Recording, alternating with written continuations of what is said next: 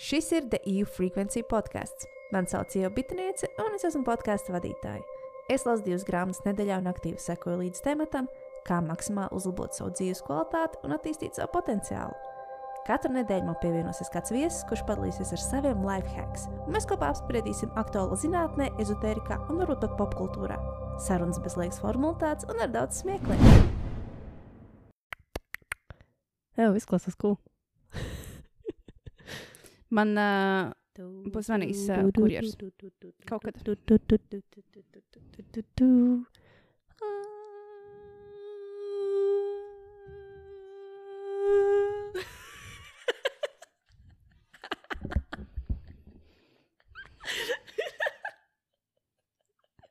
I'm fine. I'm very emotionally stable. Zāles neiedzēru šorīt. Kāda zels? Mūdu stabilizators. Cik ilgi domā tādas lietot? Nu, Es pamazām pēc tam pie terapeita palīdzību iešu no viņiem, samazināšu tos. Ok. Man vēl jāpapeldās vairāk sniegā, ja nu. Jā, jau ir cilvēki, kas domā, ka tas ir uz mūžu. Es ļoti daudz Ne. dzirdējuši. Nu, tas man tagad uz visu mūžu. Es sākumā tā domāju, un nu, tā man bija bail. Un tad es Vimhopu vairāk palasīju. Viņš tur Instagramā liek taču visu laiku. Ka tur bija viena sīvēja, kas viena gada laikā nogāja bez zālēm ar augstu pelnu palīdzību. Es arī. Es lietoju antidepresantus, un tad es sāku peldēt. Ne īstenībā no sākuma es nogāju no antidepresantiem, un tad sāku peldēt. Bet es nejūtu vispār tādu lomku vai vajadzību. Jo man ir antidepresanti un mūsu stabilizatori. Jā, gan, gan. Jā, jo man ir bipolārais ar noslēdz uz depresiju. Type 2. Es neesmu eksperte, bet vai šīs uh, tabletes nekonkurē savā starpā? Um, nē, jo bezslīgi antidepresanti viņi novērš to depresiju, un mūsu stabilizators vienkārši uzliek tās kapes, lai man neietu pārāk augsts un pārāk zem emocijas. Ko nozīmē novērst depresiju? Ir triki jautājums, tāpēc ka vienkārši. Tieši tā.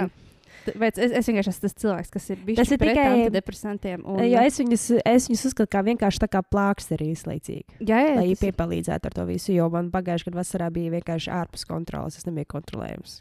Bet tev palīdz. Ja? Jā, man vispār man, nu, jau piecus mēnešus nav nevien, nevienas tā kā, ko, ko es saucu par melnu, jo man jau piecus mēnešus nav bijuši nevieni. Vai tas nav saistīts ar to, ka tu nebiji Latvijā? Nē, Okay.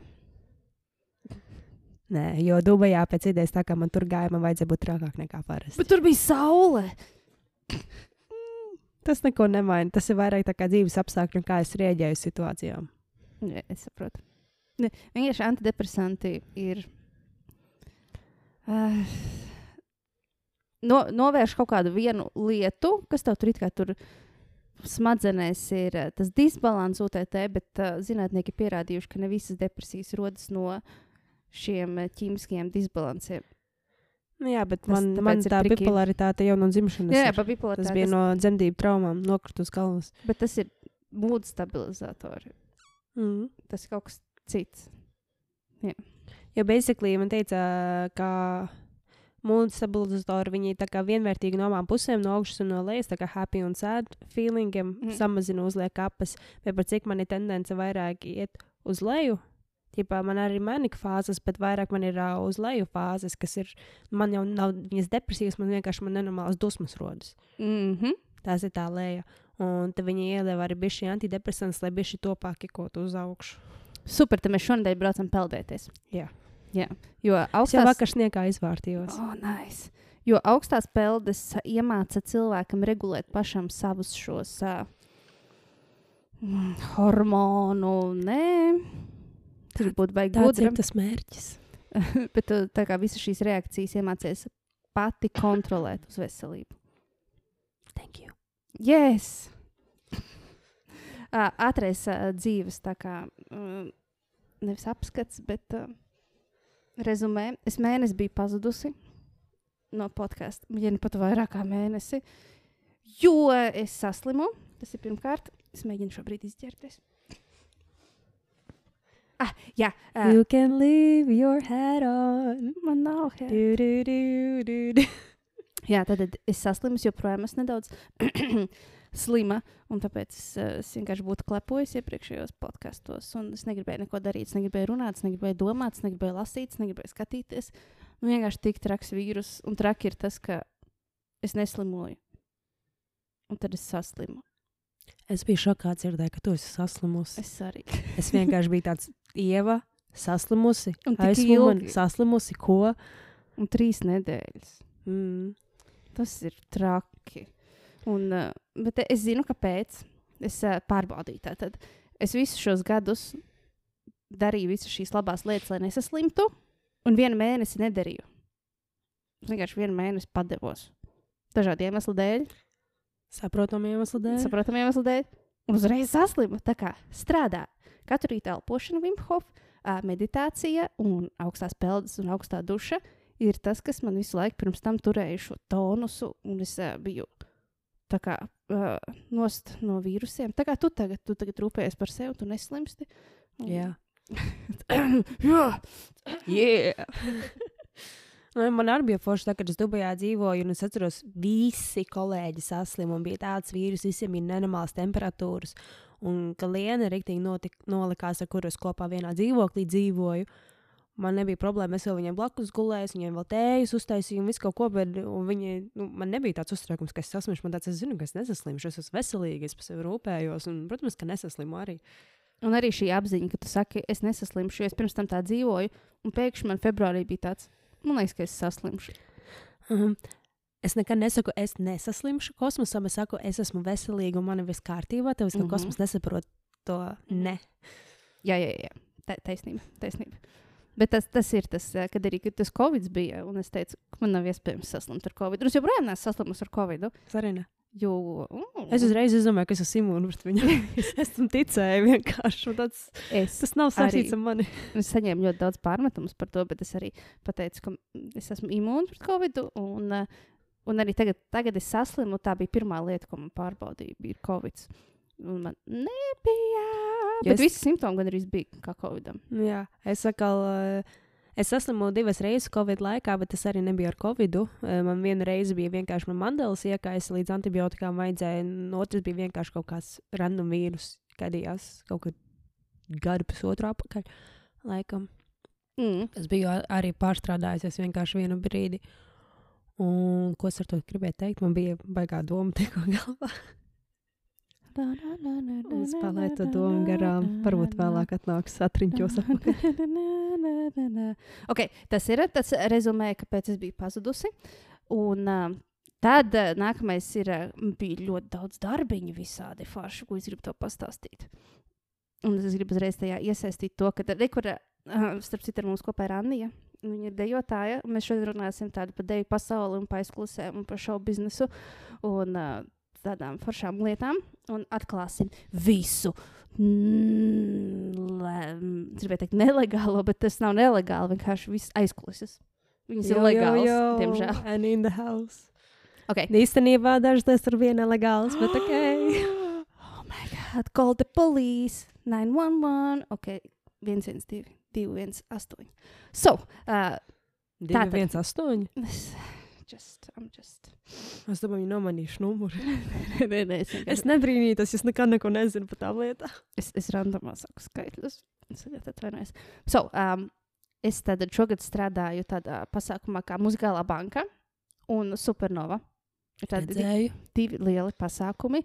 Un uh, es ļoti aizdomājos arī par visām tām aizkulisēm, par eh, dejotājiem un to pasauli, cik uh, tā ir skarba vide, teiksim, tā, un cik maz maksā. Bet kāpēc mūziķiem nemaksā? Es nekad nesapratīšu to, ka arī rekur televīzijas pasākumos mēs prasām tā kā dejotājiem, lai maksā, bet arī mūziķiem nemaksā televīzijas pelna no reklāmām vai Latvijas televīzija dod valsts, vai arī ir balsošanas naudiņa, un visur ir baigā apgrozās nauda, bet tiem, kas uzstājās, tiem naudiņa netiek, un viņiem pašiem jāiegulda naudiņa tā šāva priekšnesumā, un ne visi var atļauties. Tas man arī šokē. Man arī. Tāpēc, kā es reāli nesaprotu, piemēram, es bieži vien skatos tādus supernovu dēļ tā, ka man interesē mūziķi, kas tur uzstāsies, nevis kas tur starpā runā vadītājs vai mm. tam Mm. līdzīgi. Man interesē tas pats priekšnesums. Un ka priekšnesumam nemaksā, tas vienkārši man liekas kā totāls absurds. Jo tāpēc arī, piemēram, es redzu, ka ar vien vairāk māksliniekiem vairāk interesē visa tā paša vadīšanas vide vairāk, tāpēc, ka tur vismaz var nopelnīt. Ja tā kā mākslinieks nevar nopelnīt, tu sāc atmest savu mākslu un skatīties citus variantus. Un tad jūs pazaudējat labus māksliniekus, kuri varēja būt ļoti kā, nu, kā teikt, izdevīgi un labi performeri. Un pasaulē. Tas domāju- padodas. Jā, un es domāju, tas arī viens no iemesliem, kāpēc mēs pasaulē neesam izsitušies. Jo uh, mums Jā. Jā. tik daudz ir jāiegulda tikai, lai latviešu pasākumus uzstātos. Mums negrib maksāt. Tad no kādas naudas jūs domājat, lai mēs ieguldam? Jo Jā. katrs, es atvainojos, sūds maksā. es tā Jā. skatos, ko jūs redzat. eh, Stilisti, tērpi, make-ups, frizūras. Un tad, protams, ja tu piesaisti tur gaismotāju, tur varbūt režisoru piesaisti, choreogrāfu, varbūt vēl dejotāju, mūziķus vēl piesaisti tie, kas spēlē uz skatuves, no tiem maksā tie, kas ir instrumentālisti. Bet tie, kas eh, dzied un veido savas dziesmas un mākslu, un eh, cik es zinu, nemaksā, vai arī ir kaut kāda pasākuma, kur ļoti minimāli maksā. Es runāju tieši par televīzijas pasākumiem šobrīd. TV. Jā. Tāpēc, uh, un pirms tam ārzemēs arī maksā par, ja te uz šovu, tā kā vai uz radio interviju, vai te tur uz Jimmy Fallon un tam līdzīgi. Viņiem arī maksā par to, ka te uz tām intervijām. Protams. Un tad mums pašiem atkal ir jāiegulda degviela, braukšana, atkal make-ups, tas, kā tu izskaties, ko tu runā. Un uh, prese, lai tu noreklamētu savu dziesmu, tev pašam ir jāuzraksta relīze un jāizsūta presē. Kas ir relīze? Nu, kad apraksti dziesmu, hei, man iznāk dziesma, tajā piedalījās tas un tas, ieliec kaut kādu kvotu, ko tas nozīmē, un tad izsūta presē, un presē vienkārši pārpublicē. Tad kāda jēga no žurnālistiem dažreiz? To es nezināju. Tā, tā, tur jau tā lieta, ka mūziķiem ir tik daudz jāieguldās. Mēs it kā varam teikt, oh, viņi nemaksā dejotājiem, tur, nu, bet, viņi, bet viņi, ir tik daudz. You know. Jā. Tāpēc uh, arī par to, uh, tas uzreiz nezinu, kāpēc man atgādināja par uh, dzimstību, ka tagad cīnās, lai vairāk dzimtu bērni, un viņi koncentrējas uz to, ka viņi dos pabalstus, bet viņiem jāsāk ar to, lai katram cilvēkam Latvijā nodrošinātu normālu vidi, kur dzīvot. Nevis uzreiz ar pabalstiem. Tā kā tas tā kā to plāksteri līmēt virsū uz lielās Jā. problēmas. Un es domāju, arī šeit ir. Tāpēc kā es arī nesaprotu, ka es redzu, kā liela plaksa arī valdība liek virsū ar to, ka viņi arī nodokļus pateiks lielākus un lielākus. Un man tāds Tā izklausās Cilvēki- pēc zakšanas. cilvēki negrib maksāt nodokļus, tāpēc, ka viņi jūtas, ka viņus apzog. Vai ja Mhm. es nolēsu bišķi pi- normālāk uztaisīt to nodokļus, cilvēkiem būtu vairāk, ja ķipa, jā, es gribu palīdzēt valstī, tad viņi maksātu visus nodokļus, un tad jums būtu tā nauda, ko vadīt valsti. Jo es saprotu, viņi to dara tāpēc, ka nu, cilvēki nemaksā visus nodokļus, un tad viņiem nav pietiekami naudas, lai novadītu valsti. Bet, un tad viņi vienkārši skrūvē vairāk nodokļus, un tad cilvēki ar vien vairāk negrib maksāt nodokļus. Tas ir tāds tā kā cikls, kur ir iegājis, un mums vajag atrast veidu, kā to ciklu aizvērst atpakaļ. Un es arī, piemēram, nejūtam, kur tā nauda aiziet, jo izglītības sistēma ir slikta, uh, medicīna ir viss slikti, ielas ir vienkārši. Medicīnā es bedres- pastrādātos. Salīdzinājumā, kad es dzīvoju Spānijā, un Īrijā un citās valstīs, mums, Mums mums laba? medicīna ir ļoti laba. Mm. Mums ārsti tiešām daudz labāk strādā. Dubajā man vienreiz ņēma asins analīzes. Es paliku ar milzīgu, milzīgu punu. Tā kā uz vēnes man asins izplūda, un viņa pusstundu nepārtrauca. Es, iz, es izsmeļoju caur trīs tām vatītēm, ko man uzlika virsū. Es Āmen. nezinu, kā viņi to izdarīja, bet man vienkārši man pēc tam pusstundu non-stopā asiņoja, man par roku tecēja asinis lejā. Man bija tāds, kā var tā paņemt analīzes. Okay, uh, Mums Latvijā, es, es nesūdzētos, mums Latvijā medicīna ir ļoti laba, man liekas. es vienkārši tikko biju šorīt uh, poliklinikā. Un... Beigās rindas, ja tu, piemēram, gribi ar valsts kaut kādu palīdzību, kaut kur tikt, ir n- citiem pat mēnešiem jāgaida, vai pat Nu, ar gadiem uz valsts kaut kādām palīdzību, jā. Un uh, visi ir noguruši, visi besās. Un, nu, jā, Nu, ir tā ir vienkārši cilvēka ikdiena, tā ir visās valstīs. Un citās valstīs pat tāda lieta kā valsts vietas vispār nav. Tas, nu, jā, es, es Amerikā es, esmu bijusi. Jā, ja ir arī mums nebija tādas kā valsts vietas, bet tiem, kam, kuri var pierādīt, kuriem ir zem kaut kādā izsakas līmeņa iepelna, viņiem iedod tādu medikālu kartiņu. Bet tur arī vienmēr, ja tu gribi ar medikālu kartiņu, lai tev to valsts apmaksātu, tur tādas rindas tur reāli, lai priekš, priekš parastas apskats tev reāli vairāk mēnešu jāgaida. Tas tā kā es jau vai nu pati būšu izvesaļojusies, vai asiepusi kiedu tad. Jā, jā, jā, jā. Man tas pats. Man arī jātaisa plaušu rengens, man jāgaida tur divas nedēļas. Ir. Man jau sen jau viss būs kārtībā pa divām nedēļām. Jā. Tāpēc es parasti rēķinos, ka, ja es tiešām gribu, lai veselībai, nu, piemēram, tajā brīdī viss kārtībā, es saprotu, ka man te ir jāiegulda nauda. Jo manā mamma vienmēr ir mācīja, uz veselību naudu nedrīkst taupīt. Ārprāt, tas man atgādināja, ka man jātaisa zobi. Man arī. Un vienkārši jau pagājušajā gadā man pavasarī teica, nu, tas izmaksās tur viens zobs, tur divi ar pus tūkstoši. Jā, Protams, ka es nevaru par to divi runājām. ar pus tūkstošus. Ir pagājis gads, man bail iet atkal, atkal pie zobārsta, un tagad jau noteikti būs trīs ar pus tūkstoši. Bet tā ir tikai viena lieta, kas jāizdara. Plus es gribu visus sakārtot, tas ir 10, 15 tūkstoši. Es, es, Bet tomēr zobu salavot. E, Es arī par to rīktīgi sūdos, ka baigi dārgi, bet es atceros īstenībā, pasoties ar, pasoties ar 50 gadus atpakaļ, zobus salabot ir luxury vispār. jā, jā, Man liekas, daudz mēs aizmirstam arī par tām medicīniskām lietām, ka daudzas lietas, lai mēs varētu labāk izdzīvot, that's a luxury. Īstenībā. Bet, bet, bet, piemēram, man ir, man ir trīs kroņi ielikti. Man jau zobi ir. Es izmūžtais zobs vienmēr bija slikti. Un kādreiz es maksāju par to vienu lielu kroni 500 eiro. Un tāpēc man ir tas, ka vienkārši pāris gadu laikā ir tā summa nav dubultojusies. Tas ir pieckāršojusies, seškārtojusies. Un tas, tas ir tas kā sāpīgi. Mana alga nav seškārtojusies. Un gribētos, lai man sešreiz lielāka alga. Nu Jā, man arī ar to zobu vienu es jau gadu mokos. Es katru reizi, kad kreisā pučā, pusē, kreisajā pusē uzkošu kaut ko, un vienkārši man desmit minūtes jāmocās sāpēs. O, jā, tā tika. Es nejūtu vispār, ka man nav zoba. Bet, um, Es sešus gadus vispār viss kārtībā, un tā pēkšņi vienkārši vienā dienā kaut kā uzskoda dīvaini un sākās. Un man rengina uzsēs, viņa saka, ar to zobu viss ir kārtībā. Bet viņa saka, vienīgā teorija, ka tur ka trūks blakus tas zobs, varbūt viņš kaut kā papīdījies, ka varbūt Mm, mm, sakne otrā skaidrs, pusē jā. ir tā kā vaļā un jūtama, bet ar to zobu viss ir kārtībā. Un, Okay, šī ir sāpīga tēma. Uh, tagad es biju pasākumos, kas ir uh, Supernova muzikālā banka. Ir vēl viena lieta, par ko es aizdomājos. Es uh, gandrīz 20 gadus jau strādāju šajā biznesā, un man jau viņš ir tik uh, ierasts. Tā ir mana ikdiena. Zini, kā tas pats, kā tu aizēji uz savu darbu, un tas liekas viss normāli. Un es paņēmu līdzi savus dejotājus, kas pirmo reizi bija tādā ikdienā, un cik ļoti viņi bija. Es uh, izmantošu vārdu sajūsmā, vai arī šokā par to, ka viņi ir starp šīm slavenībām. Un ka viņi, mēs dzīvojam vienā viesnīcā ar šīm slavenībām, un tas, ka viņi runāja ar šiem dejotājiem, un kā viņi uzvedās, un kādi viņi ir īstenībā, nevis tā kā viņi parāda savu televīzijā, un viņi iepazina, ah, šie cilvēki ir cilvēki, un viņi dara tādas pašas lietas kā vispārējie. Un tad es arī tā sēdēju, tā, ha, viņi ir slaveni, tik dīvaini. Tas, un man, man gribās atgriezties pie tā, ka es uh, savu darbu redzu vairāk ar to brīnumu aci. Un tad šie cilvēki man to atgādina. Es par to ļoti priecājos, un tad es vairāk novērtēju savu darbu, cik man ir krūts darbs. Jo bērnībā man bija sapnis, kad Spaisgals bija populārs. Un tad es rakstīju savus radiošovus un sapņoju par to, kā es intervēju Spaisgals. Un ka es esmu tādā vidē, kur ir slavenības un kur ir mūziķi. Un es to daru jau 20 gadus. Oh my God! Jā, man arī liekas, kreizī, ka es tagad jau tūlīt vasarā būs seši gadi, kopš apbraucu uz Latviju.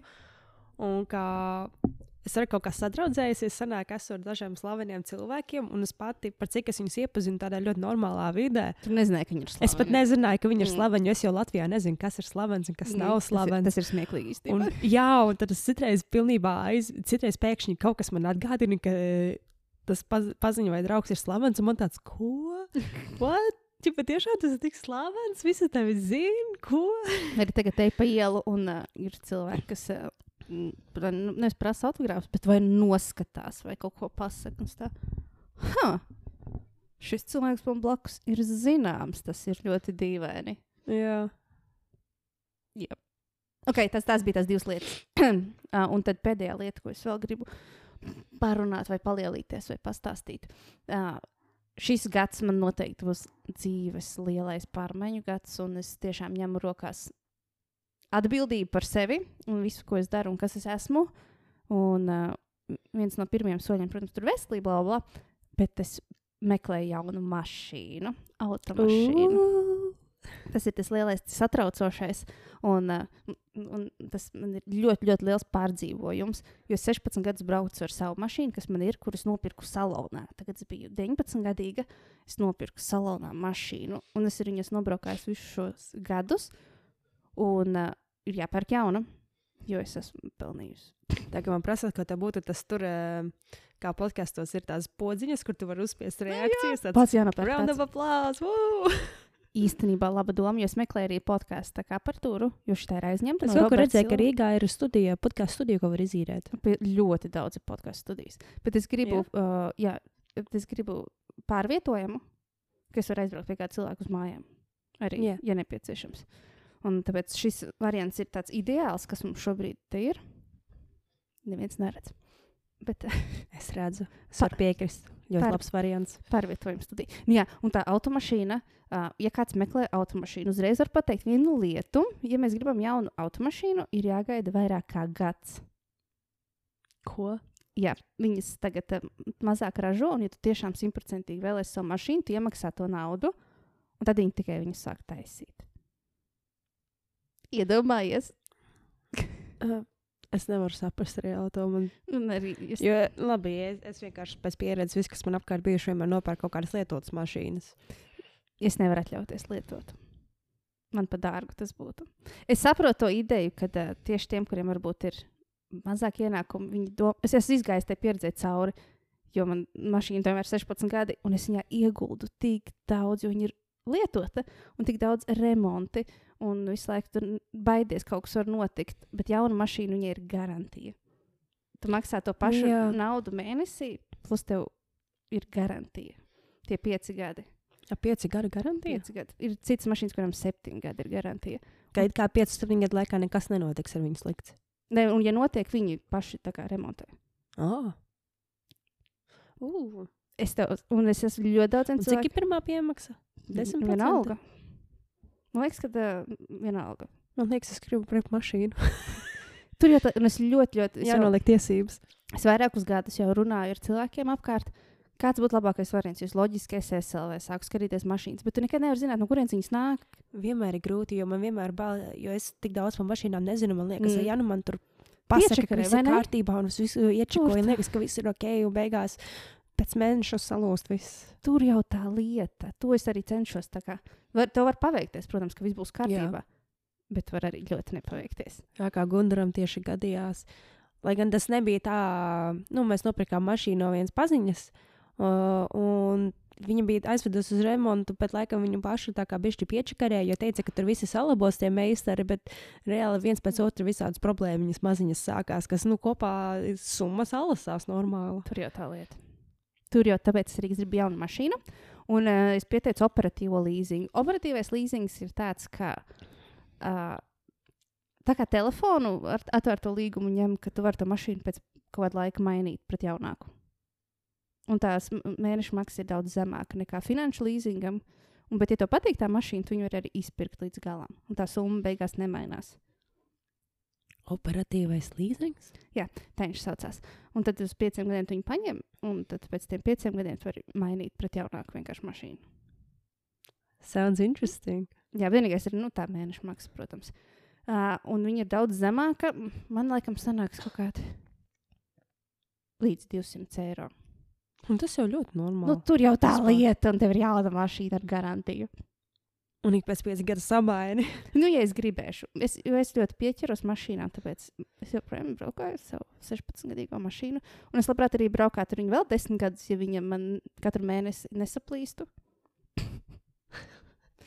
Tad es lab, labprāt arī viņu, jo man ļoti patīk. Man galvenais ir nokļūt no punkta A līdz B.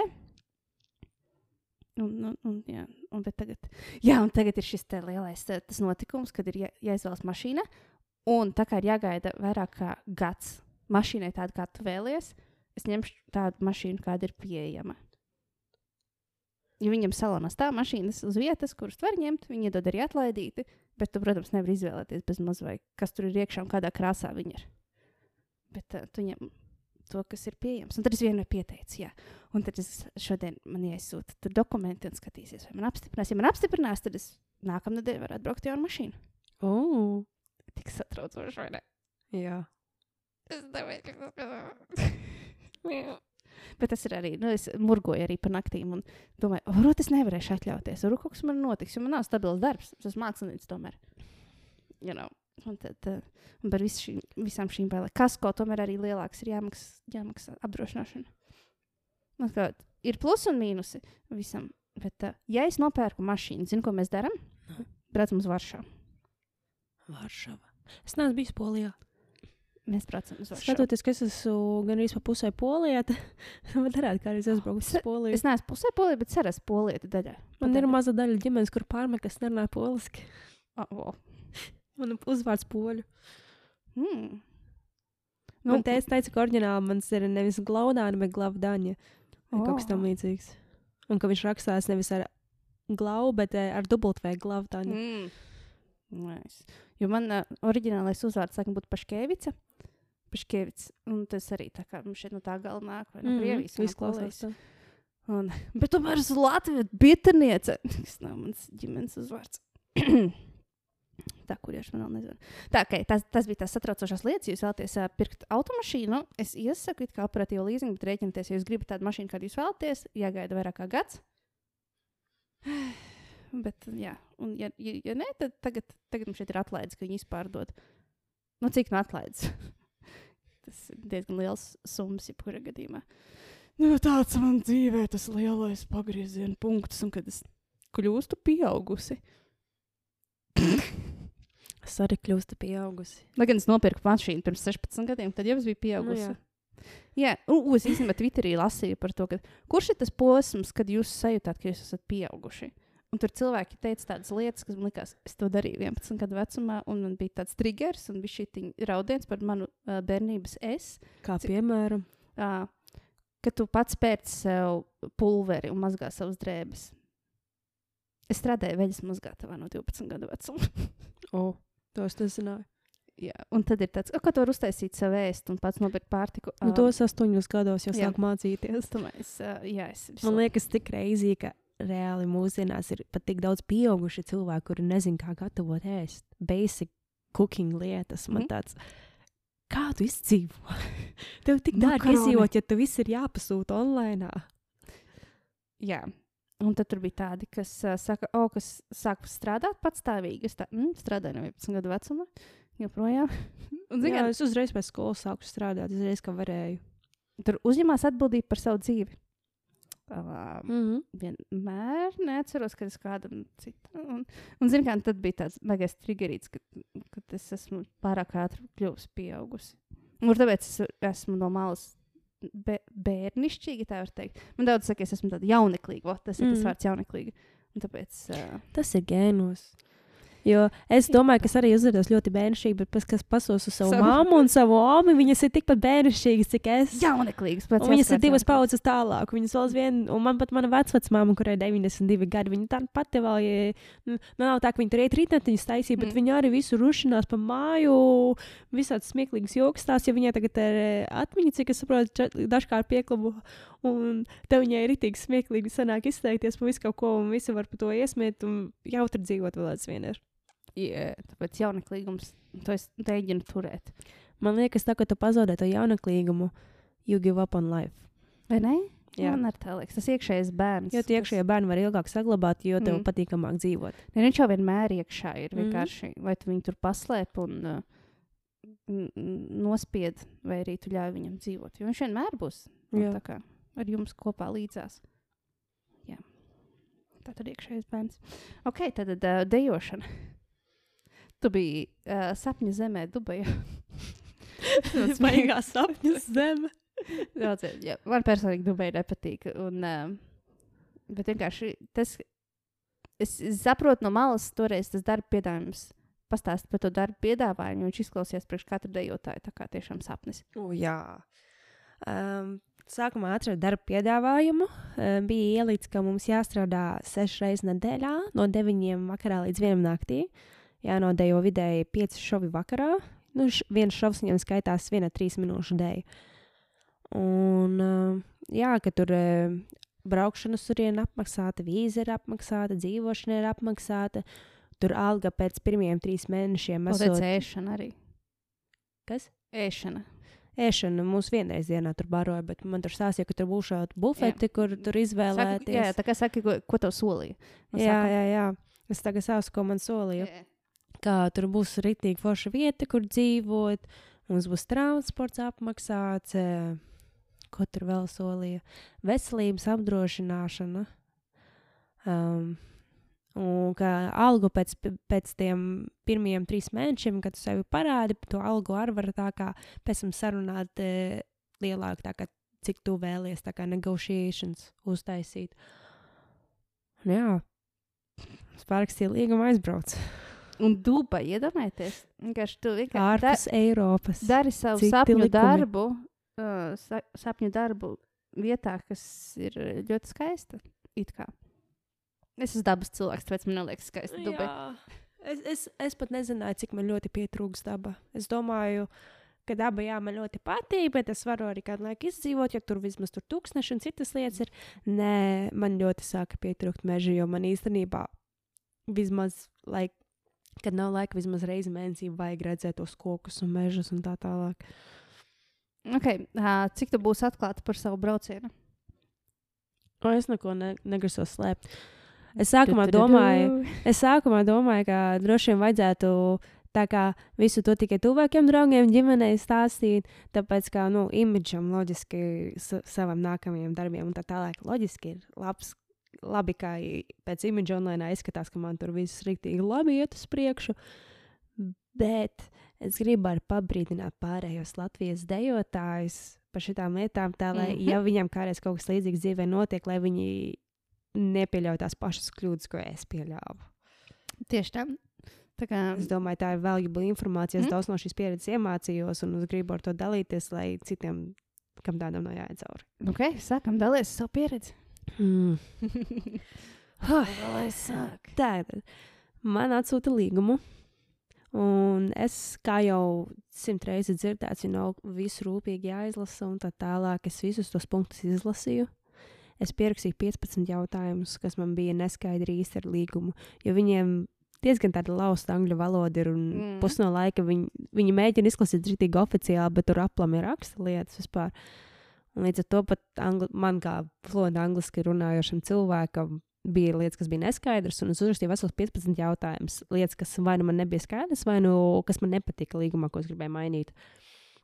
Un, jā, visi tie 15 jautājumi, menedžeri arī bija Latvija. Un viņa man, pa, e, viņi, nu, viņi atsūta līgumu pēdējā brīdī, tad tur nav baigi laika pārdomāt to visu. Un um, viņi saka, jā, jā, jā, tas ir tikai formalitātes, es te jau strādāju vairākus mēnešus, te viss ir reāli ļoti labi. Un man tāds, es apveicājos dažiem paziņām. Viņa teica, ka šo cilvēku bijis diezgan ok strādā. Man tāds, nu, forši, laikam viņa tur aizbraukus un grib atbalstīt savējos. Un tad, eh, tad es kā bišķi blēnī uzticējos, ka tās tiešām tur tajā līgumā ir tikai formalitāte, formalitātes, un tas neko neatspēko. Un pēc tam pēc trīs mēnešiem būs īstais līgums. Kurš starp citu bija tieši tāds pats? Un man jau no sākuma bija tā, ka tā alga likās ļoti pamazu. Tam Nu, darbam. priekš tūbēs, jā. Un pri, priekš tā darba lēruma. Jā, jo pirmais, par ko es jautāju, bija tas, ka mums darbā, nu, darba līgumā bija uzrakstīts pēc tam tā kā oficiāls stundas, ka mums jāstrādā ir e, 9 stundas dienā, 6 reizes nedēļā. Un es prasīju, bet mēs strādāsim no 9 vakarā līdz 1 naktī. Ja tas, jā, jā, jā, tas vienkārši ir pierēķināts, klāt, ka tur būs arī kaut kādi mēģinājumi, tādas īstās stundas nebūšot. Beigās, man liekas, mēs pat vairāk strādājām nekā tas, jo mums reāli bija mēģinājumi katru dienu. Un tad uzreiz beigās mums bija šovi no 8 līdz 2, nevis no 9 līdz 1. Un vēl ar ļoti gudru, ko viņi izdarīja. Viņa tajā stundu laikā, es viņi ļoti gudri izdarīja, viņas- viņi līgumā ierakstīja stundas, cik tev ir jāstrādā. Oh, nē, Nevis slodzi. Un es jau sākumā kā jautāju, bet es gribēju sākumā uzzināt, cik šovi būs tieši tajā dienā jātaisa. Jo es zinu, cik es man ķermenis var izturēt. Man vairs nav 18, you know? Un man bijušas tādas traumas, un es zinu, ka kādos apstākļos viņas mani ietekmē. Un mums bija sarunāts, e, mēģinājums vispār pirmos divus mēnešus bija afigēna. Mums bija mēģinājumi, mums parūpējās, vajadzēja pie ārsta, aizveda vispār bez problēmām. Un tāds, yes, es atradu īsto vietu.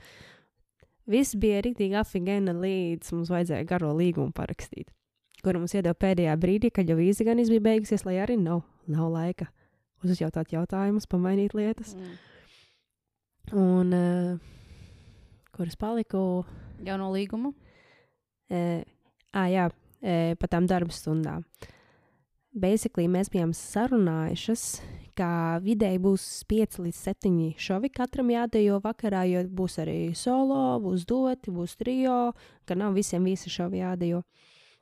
Un ka man akrobātiskie numuri būtu trīs reizes nedēļā. Jo saku, es nevaru vairāk kā trīs reizes nedēļā, tāpēc, ka man bija muguras traumas un tā tālāk. Es negribu to riskēt. Ja arī es taisu vairāk reizes nedēļā, vismaz reizes nedēļā fizioterapiju, mm. lai apmaksā. Jo par cik medical mm. insurance taču ir uh, covered.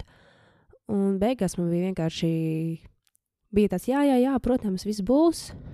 Un tagad tikko sākās mūsu šovi. Uh, Viņa teica, nu, pirmo nedēļu mums ir tik jānomočī, lai visiem patīk, pēc tam jau paliks vieglāk. Un tad mēs arī tā kā dundu vēl turpinām, mm -hmm. močījām, močījām visas tās entās stundas. Nākamā nedēļa tāpat. Un visu laiku saka, jā, jā, jā, drīz būs atslodzīta un tā tālāk. Un tad es saprotu, ka īstenībā jau pagājis pusotrs mēnesis jau ar šoviem un mēģinājumiem, un paliek tikai vēl vairāk un vēl vairāk. Un tā viņa tajā stundās beigās mums sanāca pat 10, 12 performances reizes pat vakarā dažreiz. Un palika ar vien vairāk un vairāk ko darīt. Un tad viņi izdomāja, vēl, ka tur sākumā tur jāstāv, jādod tādu welcome drinki, vienkārši skaistā kleitā. Tam mums jāiet tur starp šoviem, ka mums tikai desmit minūtes tur pārģērbties, vai tam līdzīgi mums vēl jāiet.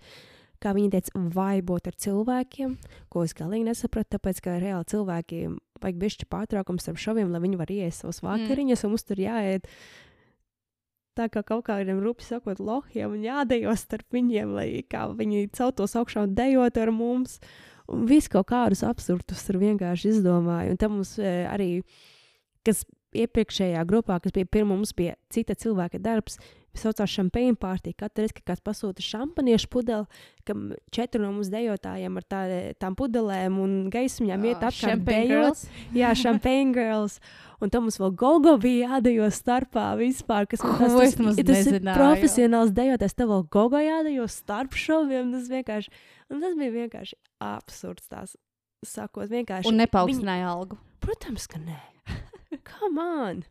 Jo viņi vienkārši arī ko, lai viņi legāli varētu strīdēties pretī, viņi vienkārši tajā pašās stundās, kas tika rakstīts līgumā, iepakoja vēl un vēl un vēl darbu.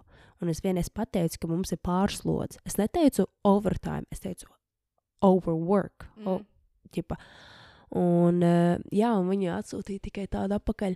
Iečeko līgumā, cik tas stundas nedēļā jāstrādā. Oh, Un man bija tāds, ah, formalitātes, ja. Mm -hmm. Un tam man vienkārši pamazām sāka, kad es sāku just to visu nogurumu un to pārslodzi. Tad es sāku just, kā man ir pamazām līguma katru to punktu, kas man nepatika, pie kā es piekasījos un ko es nelīdz galam izrunāju, lai nomainītu tos punktus. Man vienkārši sāka ņemt priekšā. Un, jā, man bija vēl kas bija interesanti atgriežoties uh, Man bija sarunāts, ka es decembrī varēšu braukt Ziemassvētkos uz mājām, mm, uz Dublinu. Un es jau no septembra viņiem saku, man noteikti jātiek Ziemassvētkos mājās. Viņi tāds, jā, jā, jo es, ne, es teicu, neparakstīšu līgumu, kamēr es nezināšu simtprocentīgi, kas tiek mājās. Viņi man apstiprināja, simtprocentīgi tiks mājās. Un es viņiem arī visu laiku prasīju tam HR menedžerim, kad man jāsāk taisīt dokumentus, lai viss ir laicīgi gatavs un tas un šitais. Uh, un, jā, un viņa visu laiku kaut kā to kavē, un viņam bija ļoti dīvains veids, kā atbildēt. Es nezinu, vai ne līdz galam viņš saprata angļu valodu, vai kas bija pateicis, ka viss būs kārtībā, viss būs kārtībā. Un es nopirku, kas man izmaksāja gan arī turp un atpakaļ, gan arī 800 eiro biļetes. Kreizīs Losandželos var puslētākais yep. lidot. Jā, yep. te ir Ziemassvētku, Ziemassvētku, viss ir nu, nenormāli dārgi, you know? Yep, yep. Un, jā, es nopērku biļetes un vispār, jo man līdz pēdējiem saka, jā, varēsi. Un tad divas dienas iepriekš man atsūta, vai cik tur dienas iepriekš atsūta e-maila, HR, ka, ķipa, ah, tu tomēr nevari braukt ārā no valsts, un tāds kā nevar. Nu, tu vari mēģināt, bet nezinām, vai tiksi atpakaļ, jo tev vēl nav tā vīza gatava. Un es jau tādu dusmojos, jo man tāds, es jau tik laicīgi, es jau no septembra jums prasu par šito reāli, es jums krītu uz nerviem, lai es varētu tikt mājās, jo es esmu izmetus naudu par to. Viņi tas labi brauc, nu, sakrāmiem mantas aizbrauc uz lidostu un man pasas kontrole vienkārši nelaiž ārā no valsts. Tā ir tik absurda sajūta, ka tu aizies pasas kontroli, un viņi paskatās savu pasi un pasaka, tev, tu nevari izbraukt ārā no valsts. Un tad es jutos vienkārši trāpīt, es tā pārdzīvoju. Vienkārši mm. visa tā nauda izmesta miskastē. Es pat varu teikt, ka es zinu, exactly, kā tu jūties. Jo man bija tieši tāda pati situācija. Tā ir vis- ārā no Tā ir visabsurdākā sajūta. Kad tev nelaiž ārā no svešas valsts, ne jau no? Latvijas, bet es, saprotu, no Latvijas nelaiž, ne? jā, ka tu esi mājās. Jā. Bet tu esi reāli svešā zemē, ārpus Eiropas, yep. cita likumdošana, citi noteikumi. Tas ir, tas ir ļoti baisi. Un tad es 31. janvārī uz jauno gadu man tāds vienkārši teciet. I'm done. Es rakstu atlūgumu, un es rakstīju oficiālu atlūgumu, kas nozīmē, man pateica, jā, bez problēmām, tas strādā 30 dienas, un mierīgi brauc mājās. Tas ok. Pēc nedēļas, kas notika, um, savainoju atkal muguru. Jo man vēl aizvien katru dienu uz rīņķa bija jāgriežas. Katru dienu. Gan drīz katru dienu. Man liekas, bija no septembra runāja, lai būtu trīs reizes nedēļā, bet to bija jā, četrus mēnešus katru dienu. Gan no sešreiz. bija, bija retas dienas, kad nebija, bet tajās dienās bija cits eh, vēl akrobātiskais mm. dots ar aizietām acīm. Tas, kurš arī tikpat kreizi uz muguru. Man reāli man bija jātur, man bija mazai meitenei jātur pieaudzis vīrietis. You know? Mm. Es esmu stiprs, es to varu, nav problēma. Bet tas viss arī eventuāli maksā. Tas viss atstāja sekas uz ķermeni. Ko, par to es nesūdzos, jo es tomēr varēju arī tik foršas performances uztaisīt.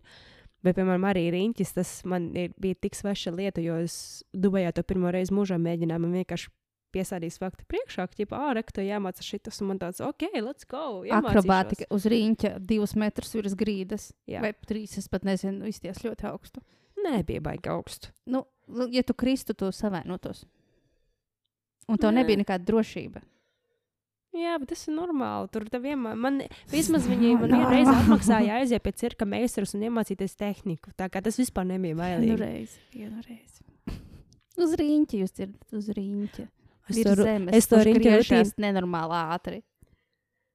e- es to rutīnu iemācījos 15, pirmajās 15 minūtēs. Viņš teica, es stādīju jaunu rekordu, cik ātri var kļūt par riņķa mākslinieku. Es gribētu teikt, tas ir talants, bet tas nav talants, jo tu esi visu mūžu smagi strādājis. Jā, bet man, protams, tā ir pateicis, jo tas tāpēc, ka es visu mūžu esmu dažādās akrobātikās un dejošanās turējis sev tonusā, un tāpēc mm. man loģiski būtu ļoti viegli to iemācīties, tāpēc, ka man jau visi tie muskuļi, muskultūri ir attīstīti, lai to Mhm. spētu izdarīt. Mm. Tā tad 7. janvārs. Pagaid, es vēl arī pirms tam. Jūs nebarojat kārtīgi, vai ne? Ak, Dievs! Man tu- tiekam tur līdz jau- 7. Tur jau janvārim. nav PVD tā kā mums. Viņi vienreiz dienā mūs pēc šoviem baroja ar rīsiem un vistiņu lielākoties. Un bija garšīgi. Mums ir naktī, divos naktī. Nu, jā, pēc pēc, pēc šoviem. šoviem. Pēc šoviem mēs tikai varējām ēst. Un uh, labi, forši, ka tur auglīši arī bija un viss kaut kas, bet lielākoties mums deva rīsus un vistu. Es zinu, ka man draudzene Liena, viņa vienkārši bija traumatizēta ar rīsiem. Viņa ārpus darba vispār rīsus nekur nevarēja ēst, jo viņam bija tāds, tikai nesaka rīsi. viņa reāli šķemināja. Un bija pat vairākas reizes, ka tie rīsi, tu jau viņus pagaršo vienu karoti un saprati, ka viņi jau ir tā kā iet uz pūšanas pusi, viņi jau ir sabojājušies. Tāpēc, ka viņiem tur Nē. aizmugurē viņi neturēja darbinieku maltītes leduskapjos. Viņi no rīta viņus dabūja virtuvē, un tajā karstajā virtuvē viņi vienkārši visu dienu stāv ārā. Jo viņiem nav Fuck tādas PVD shit. kontrolas kā mums Eiropā.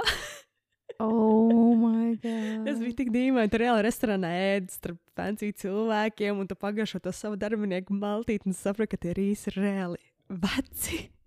Nē. Nekādas bufetes nebija, nekādas izvēles nebija, kā man stāstīja. Nu, jā, nu, teorētiski ķeksīšu pēc uh, ir ēdienas, bet uh, tas, vai viņš ir pēc. ēdams vai nēdams, tas jau vairs nav no viņiem. Laikam, Tieši tā. Mm, cik forši. ok, tas ir ēdiens, tad liela slodze. Uh, kā tev choreogrāfijas? Nu, Choreogrāfijas. bija dažas, kas bija labas, bet, teiksim, tā. Lielākā daļa paši dejotāji taisīja choreogrāfijas, un choreogrāfs vairāk tā vienkārši mācīja teikt jā vai nē. Es laikam nekad nesapratīšu tos. Jūs, Pirmā- jūs vienmēr to dzirdat lielos pasākumos, kad dejotāji paši taisa choreogrāfijas, bet choreogrāfs dabū lielāko naudu par. Bet, viņa bija tā, pirm, kamēr mums bija pirmie treniņi, kamēr mēs lasījām šovus, viņa pati bija diezgan fiery par to visu, viņa pati tā taisīja choreogrāfijas. Man bija tāds, oh, jā, afigēna, re, kur choreogrāfs, kurš tiešām strādā un visu tā kā pats ņemās un bija idejas. Viņa pat prezentācijas taisīja Mm. PowerPoint par to, ko viņa plāno. Man bija tāds, ej, šitā čiks ir rīktīgi, tūlīt mauks, tas ir rīktīgi forši, ka mēs strādājam kopā. Bet pēc tam jau pēc pāris mēnešiem mēs vienkārši taisām kaut kādus quick mēģinājumus. Viņi saliek tur trīs, as, eh, četrus astotniekus, kaut kādus super simple steps, tā kā tu bezmaz vai Xbox to eh, deju, just dance Just spēlēt, un, pēc un tagad ejiet vaibot ar klientiem. Un, kad jautā, ka gribēs kaut ko kā interesantāku vai sarežģītāku, tas ķipa, man nenormāli besītā frāze, ka viņi tāda visiem vienalga, anyway. Galvenais, lai kaut kas ir uz skatuves, un man tāds, nu kas tu pa mākslinieku, ja tu tā domās, ja tu domā, ka tas cilvēks, kas tevi skatās, ir stulbs un ka viņam vienalga, tad tu tā arī dejosi, un tad viņam tiešām būs vienalga. Jep. Tas ir mūsu mākslinieku uzdevums ieinteresēt to audienci, lai viņam būtu Jep. interesanti skatīties. Un, jā, un tas man vienkārši lauza sirdi, tādi vārdi. Un arī viss, piemēram, mans tīņa solo, ka viņa visu laiku prasīja, lai visās bildēs, ko mēs liekam, visos šovu video, kur mēs liekam, mēs tagojam viņu kā horeogrāfu, man tāds, pieno, bet tīļerī, tu izdomāji vienu soli, visu pārējo es saliku pati. Es esmu horeogrāfa šai dejai vispār. Mm. Ķipa, kas ir horeogrāfs? Horeogrāfs ir tas, kas veido dēļu soļus un liek Mm. mm. kopā. Ja tu esi vienkārši cilvēks, kas akceptē, pasakā jā vai nē, un kaut kādu brīvu ideju izdomā, tu neesi īsti horeogrāfs. Tas vienkārši kaut kāds menedžers, Mm -hmm. starppersona. Mm -hmm. Un, jā, tas bija jautri. Tādā ziņā. Kas notika pēc tam, 7. janvārī, un, nu, pēc rīņķa es atnācu atpakaļ uz back, backstage. Un es apsēžos, un man vienkārši nenormāli asas sāpes iziet ar visu muguras apakšdaļu. Un sapratu, es nevaru apsēsties. Saka, mēģinu vēlreiz apsēsties. Nē, nu, čīstā ir tāda sāpes, ka nevar. Man asars acīs aizēja, ja tas menedžers saka, man vajag ārstu tūlīt un tagad. Jo es, es teicu, es, es simt punkti gribu pabeigt savas 30 dienas sastrādāt, lai bez nekādiem sodu maksājumiem varu mierīgi aizbraukt mājās. Es negribu jūs atstāt tā vienkārši bez dejotāja pēkšņi. Es atstrādāšu to, kas man jāstrādā, bet man vienkārši man vajag tūlīt pat pie ārsta, kas liek visu vietā. Un viņa saka, aiziet pie tā lielā general menedžera. Es aizēju pie viņa, viņš arī man uzreiz nomierina, ja bāj, bez problēmām, tūlīt viss būs, tūlīt viss būs. Um, teica, visu norganizēšot. Nākamā dienā es sēžu mājās divas dienas, tāpēc, ka, nu, lai visu norganizētu, es pati sev sarunāju to vizīti. Viņa teica, ka viņi dabūs man naudu. Jo kā viņi bieži darīja, ir, ka tu pirmais samaksā no savas algas un tu paturi invoisu, ka viņi pēc tam ķipā došot naudu. Mm. Bet par cik man vēl nebija decembrā alga bija aizkavējusies, vēl nebija izmaksāta, man pat nebija naudas, pa ko aiziet pie tā ārsta. un Līdz ar to man bija tāds, man ļoti vajag no jums to funding, lai es varētu aiziet pie ārsta. Tad viņi man vairāk dienas vienkārši noignorēja. Es vispār nezināju, kas tur notiek. Man vienkārši visiem raksta Vācijā, HR, lieliem menedžeriem, e, mūsu tai choreogrāfijai. Neviens neatbildēja. Un tu vienkārši negāji uz tiem šoviem. Tevis nebija šovos. Nu, jā, jo es nevarēju pat apsēsties mm. Uz spoda, pat nevarēju apsēsties. Nu, viņiem vienalga, ka tu nebija šovos. Nu, viņi salika tur citus šovus vienkārši kopā un iztaisīja pāris šovus bez manis. Lai gan daudzi pēc tam jau uzveicās, viņi saka, tie daži labākie šovi, kas bija, bija ar mani tur starpā. Un man bija tāds, nu, oh, well, it is what it is. Bet ķermeni arī jāprūpēs, jo, ja tu nevari pakusties, Nu, bet tad loģiski, neko nevar būs kaut izdarīt. kāda akrobātika vēl. Nu, jā. Crazy. Nu, labi, nu, pāris dienas tev ignorē. Un man ir pāris dienas noignorēja, un tad man eh, no HR uzraksta, rīt četros esi oficiālā. Un es saku, "A, kā būs ar to ārstu, un tā tālāk. Viņa tāda, jā, jā, jā, mēs visu tev izstāstīsim. Es aizbraucu uz oficiālu, un viņi man vienkārši noliek priekšā papīrus, uh, final settlement. Un uzrakstīts, tur paņemta mana decembra alga, kurai jau bija jābūt izmaksātai tajā brīdī, un vēl visādas soda naudas. 70% no tā noņemts soda naudās. IKS 7. janvārī esmu vienkārši izdomājis, ka es eju prom no darba bez brīdinājuma un aizgājusi. Bet kā tev ir pierādījumi? Taču viss SMS un. Vai ne? Okay. Un tāpēc es pirmais biju. Pagaid, mikrofons, mikrofons. Kārtojās. Uh, es e, viņam nesaprašanā ar stāstīju, man tāds kā, bet mums bija sarunāts, ka man vajag 30 dienas atstrādāt, un, bet man vienkārši pie ārsta vajag. Es negrasos vienkārši iet prom no darba, es, ne, es neuzmetu cilvēkus. Un viņa man izstāsta, viņa tā HR man stāsta, ja tu brauc uz ārzemēm strādāt teju darbu, tev jābrauc labā veselības formā. Un tu neesi labā veselības formā, tāpēc mēs izdomājam, ka mums tev jāsūta mājās. Bet viņu dēļ jau tā nebija laba veselības forma. Un es tieši to pašu teicu. Es saku, jūs man liekat strādāt vairāk nekā cik mēs sarunājam. Loģiski, ka man veselība, kad es atbraucu šeit, man veselība bija perfektā stāvoklī.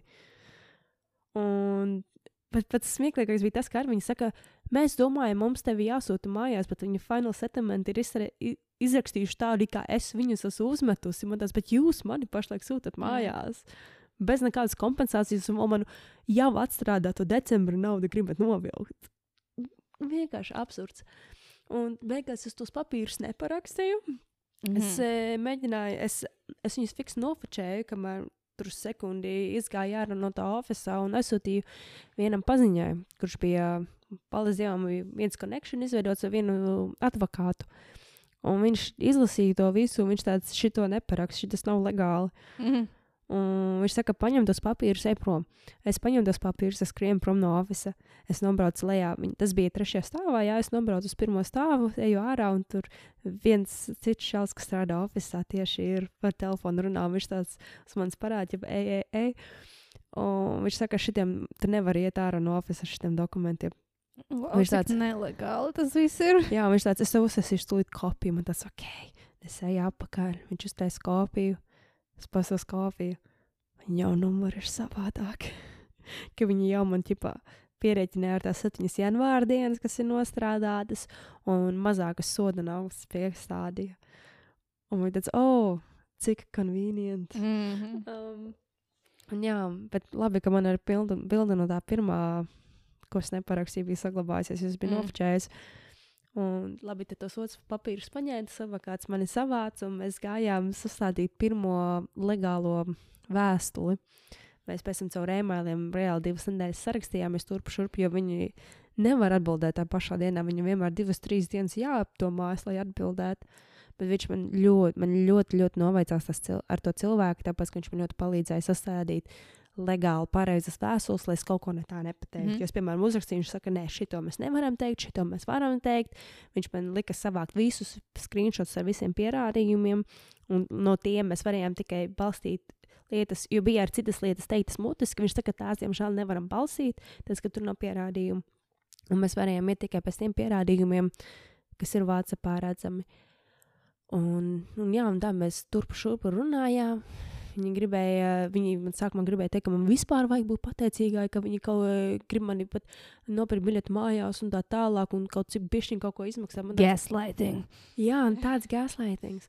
Un tad beigās es um, darbinieku ministrijā ies, iesniedzu sūdzību. Oh, yeah. nu, un... Fedreds Jo Dubajā darbinieku ministrija tiešām sako līdzi visam darbiniekam un ārzemēm, jo viņi grib, lai pa viņu valsti ir labas mm -hmm. rekomendācijas. Protams. Jo cik es dzirdēju, man vienkārši nepaveicās ar darba vidi, jo ir daudz, daudzi darbi Dubajā, kur tiešām labi izturās un labi nopelna.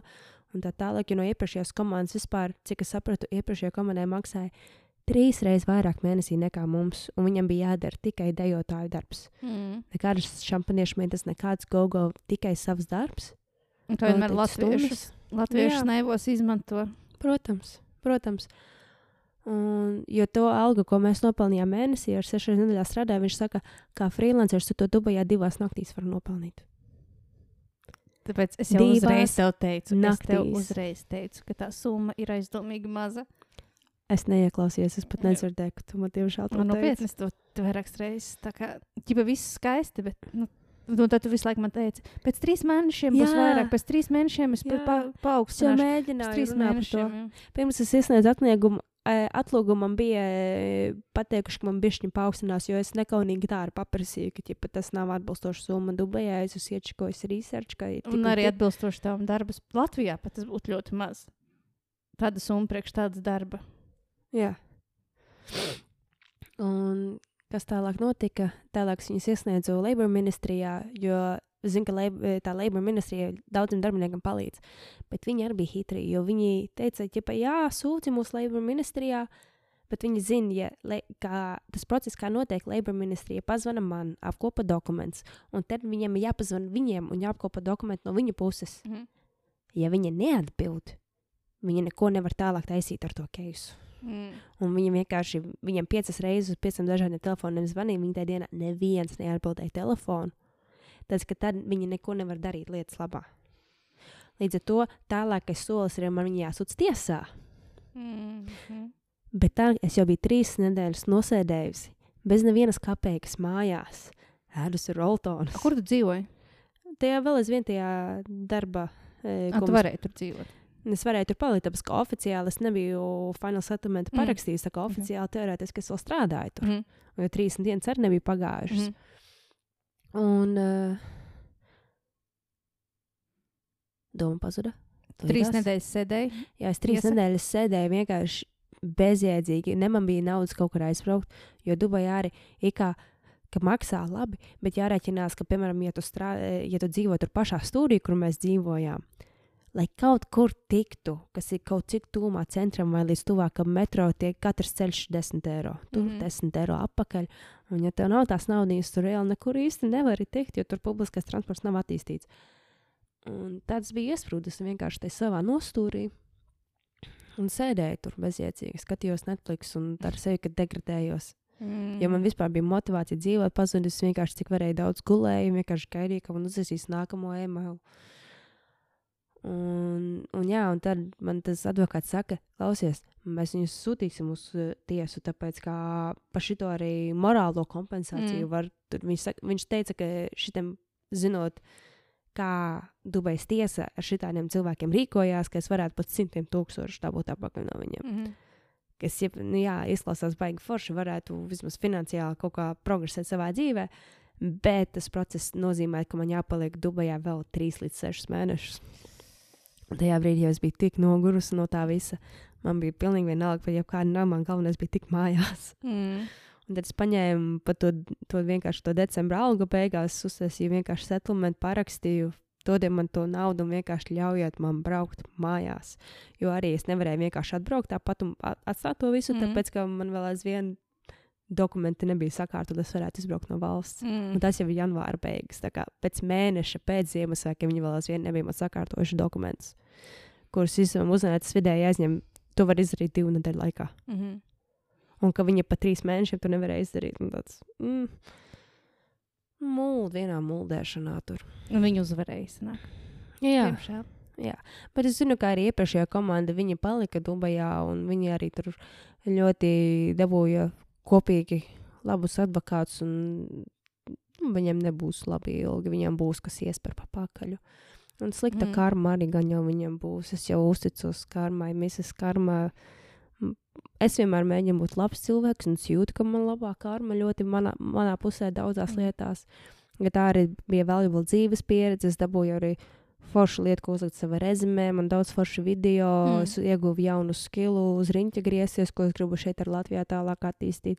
Nebija tikai sliktas pieredzes. Bet, tā, Protams, jā. bet tas atkal man ļoti smagi iemācīja, ka līgu, tomēr neparakstīt līgumus, kur tu neesi ar visiem punktiem simtprocentīgi pārliecināts. Mm. Pat ja tā ir tikai formalitāte, kā saka.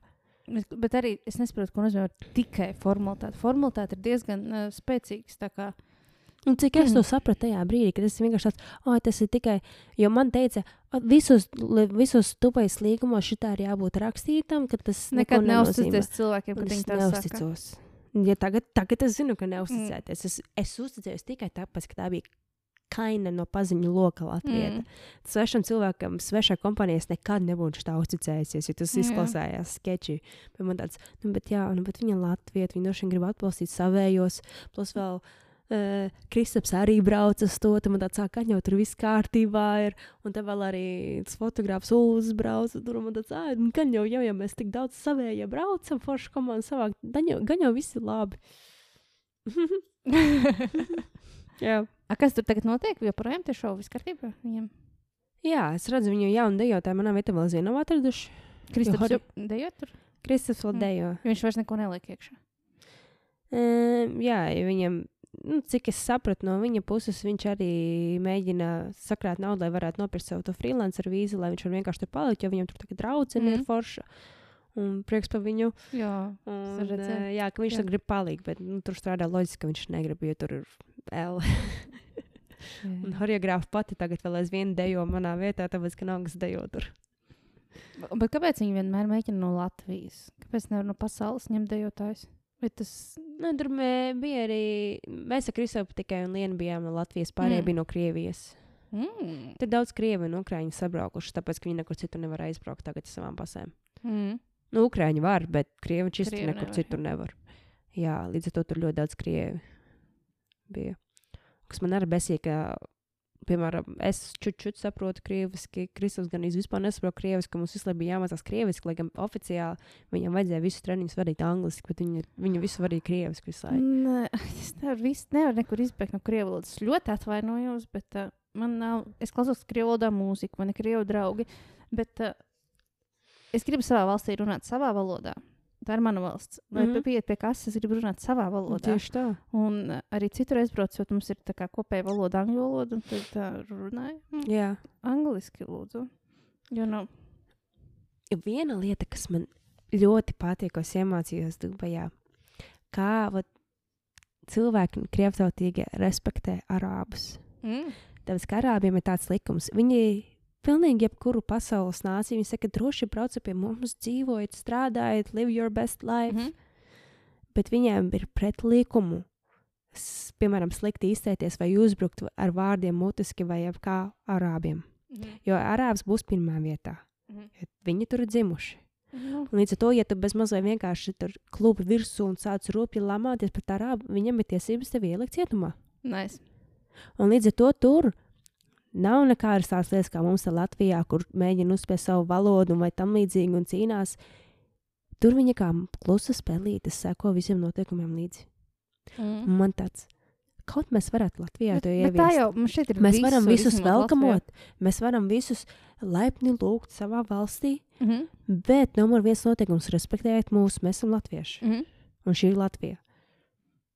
Un uh, arī, nu, man liekas, ka Latvija ir vienīgā, kur viņi nerespektē. Amerikā arī ir ļoti daudz krievi, ļoti daudz.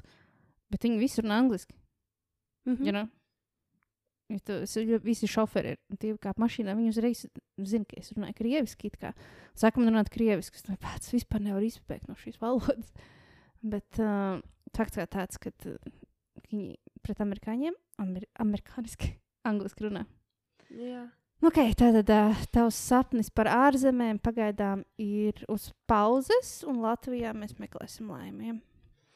Jā, sprīdīts ir atgriezies mājās. Tagad jums vajag Aniju, kas ir lieliska dejotāja, mākslinieka trikus, labi izskatās, dara ļoti daudz foršas lietas. es domāju, ka ir laiks tādiem dot iespēju. Un, um, nu, mums te ir ko darīt. Viss kaut kas notiek. Un tur arī kaut mēs daudz ārzemnieku brauc savus projektus attīstīt. Man vienkārši man besīk, ka lielākā daļa daudzi labi dejotāji brauc projām. Es saprotu, es arī braucu projām, tāpēc ka vienkārši tāds sajūta, ka es nevaru normāli nopelnīt Latvijā, jo nav pietiekami bieži vai daudz tās iespējas. Bet tad ar to man atgādināja, ka es sāku darba vidē iesaistīties tieši tā, ka Covid sākās tikai. So es neesmu pieredzējis, kas ir īsta darba vide Latvijā. Jā. Jo es, es balets skolu pabeidzu tikai 20. gadā tieši Covid vidū. Mm.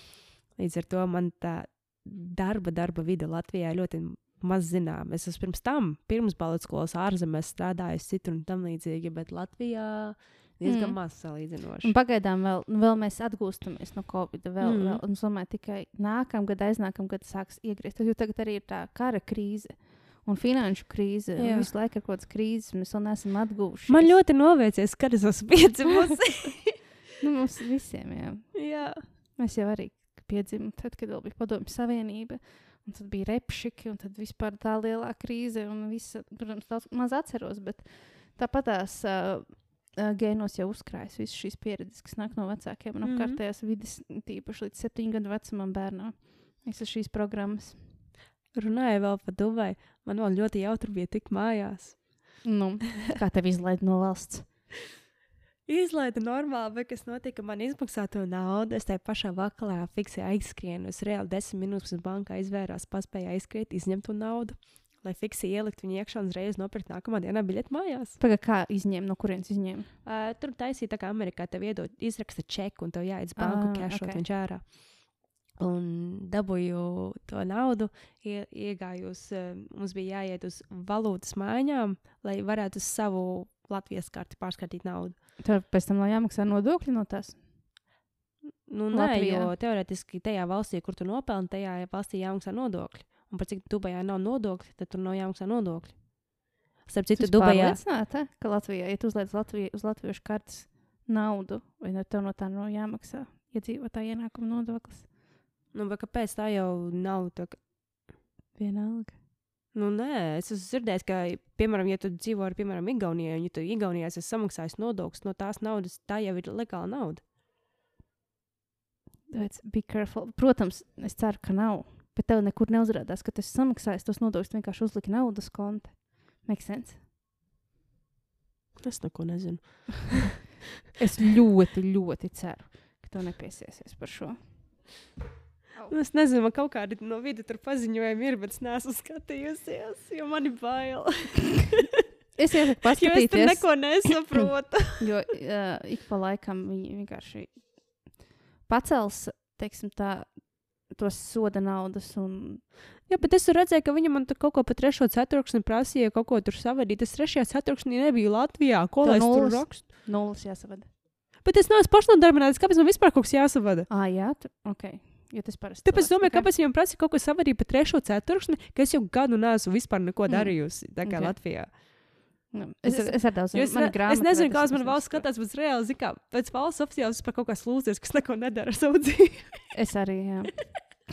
Man ir tikai savs uzņēmums. Un, bet, kas, ne- Es pašlaik arī nedaru, es pašlaik atkopjos no visa šitā un mm. Domāju, ko darīt tālāk, plānoju ar savu dzīvi, skatos savas opcijas. Bet, jā, ka, tad, ko es izdarīju, es ieliku to naudu kontā. Es uh, nopirku nākamajā dienā uzreiz biļeti caur Londonu. Bija 600 eiro caur Londonu lidot uz Rīgu. Un skatos, tur divas stundas starpā, tur oficiāli tas esmu connecting flights. Visu izčakoju, iekā visās, visu ok. Pēc nākamā dienā es taisu check-in. Un es skatos, sarkaniem burtiņiem, maziņiem apakšā rakstīts self-transfer. Man tāds, oh, dēm, jo man jau lielā bagāža līdz to es domāju, vai divās stundās es paspēšu. Un tad es vēl ieraugu, otrs lidojums ir no citas lidostas, kur ir stundu attālumā. no lidostas, kuras ielidoju. Jā, Londonā. Bet es nekad nelidoju uz Londonu. Un Viņš tāpēc tāds vienmēr ir. Pats es taču nepaspēju, un tu vēl skatos, tur taksis starp tām, ja tur stunda jābrauc, taksis vien būs 100 Jā, vairāk kā sterling simts. Jā. Ja es apstājos, tur var rezervēt taksi, ka viņš tur jau automātiski tevi gaida un viss, un tu prasīji tieši 100. Kāpēc tur nav autobusu? Kas? Autobusi. Nu jā, bet tu nevari rēķināties ar visiem tiem Nu, jā. autobusiem, cikos viņi iet un tā tālāk. Un tam tāds, o, oh, uztaisīšu rezerves variantu. Pasījos tajā pašā vakarā no trešās lidostas, vēl no Stanstera, vai kā Mm. viņi tur sauc, vēl Ryanair lido. Mhm. Un tas ok, nopirkšu rezerves pēc, jo zinu, ka atcelt maksā 60 eiro.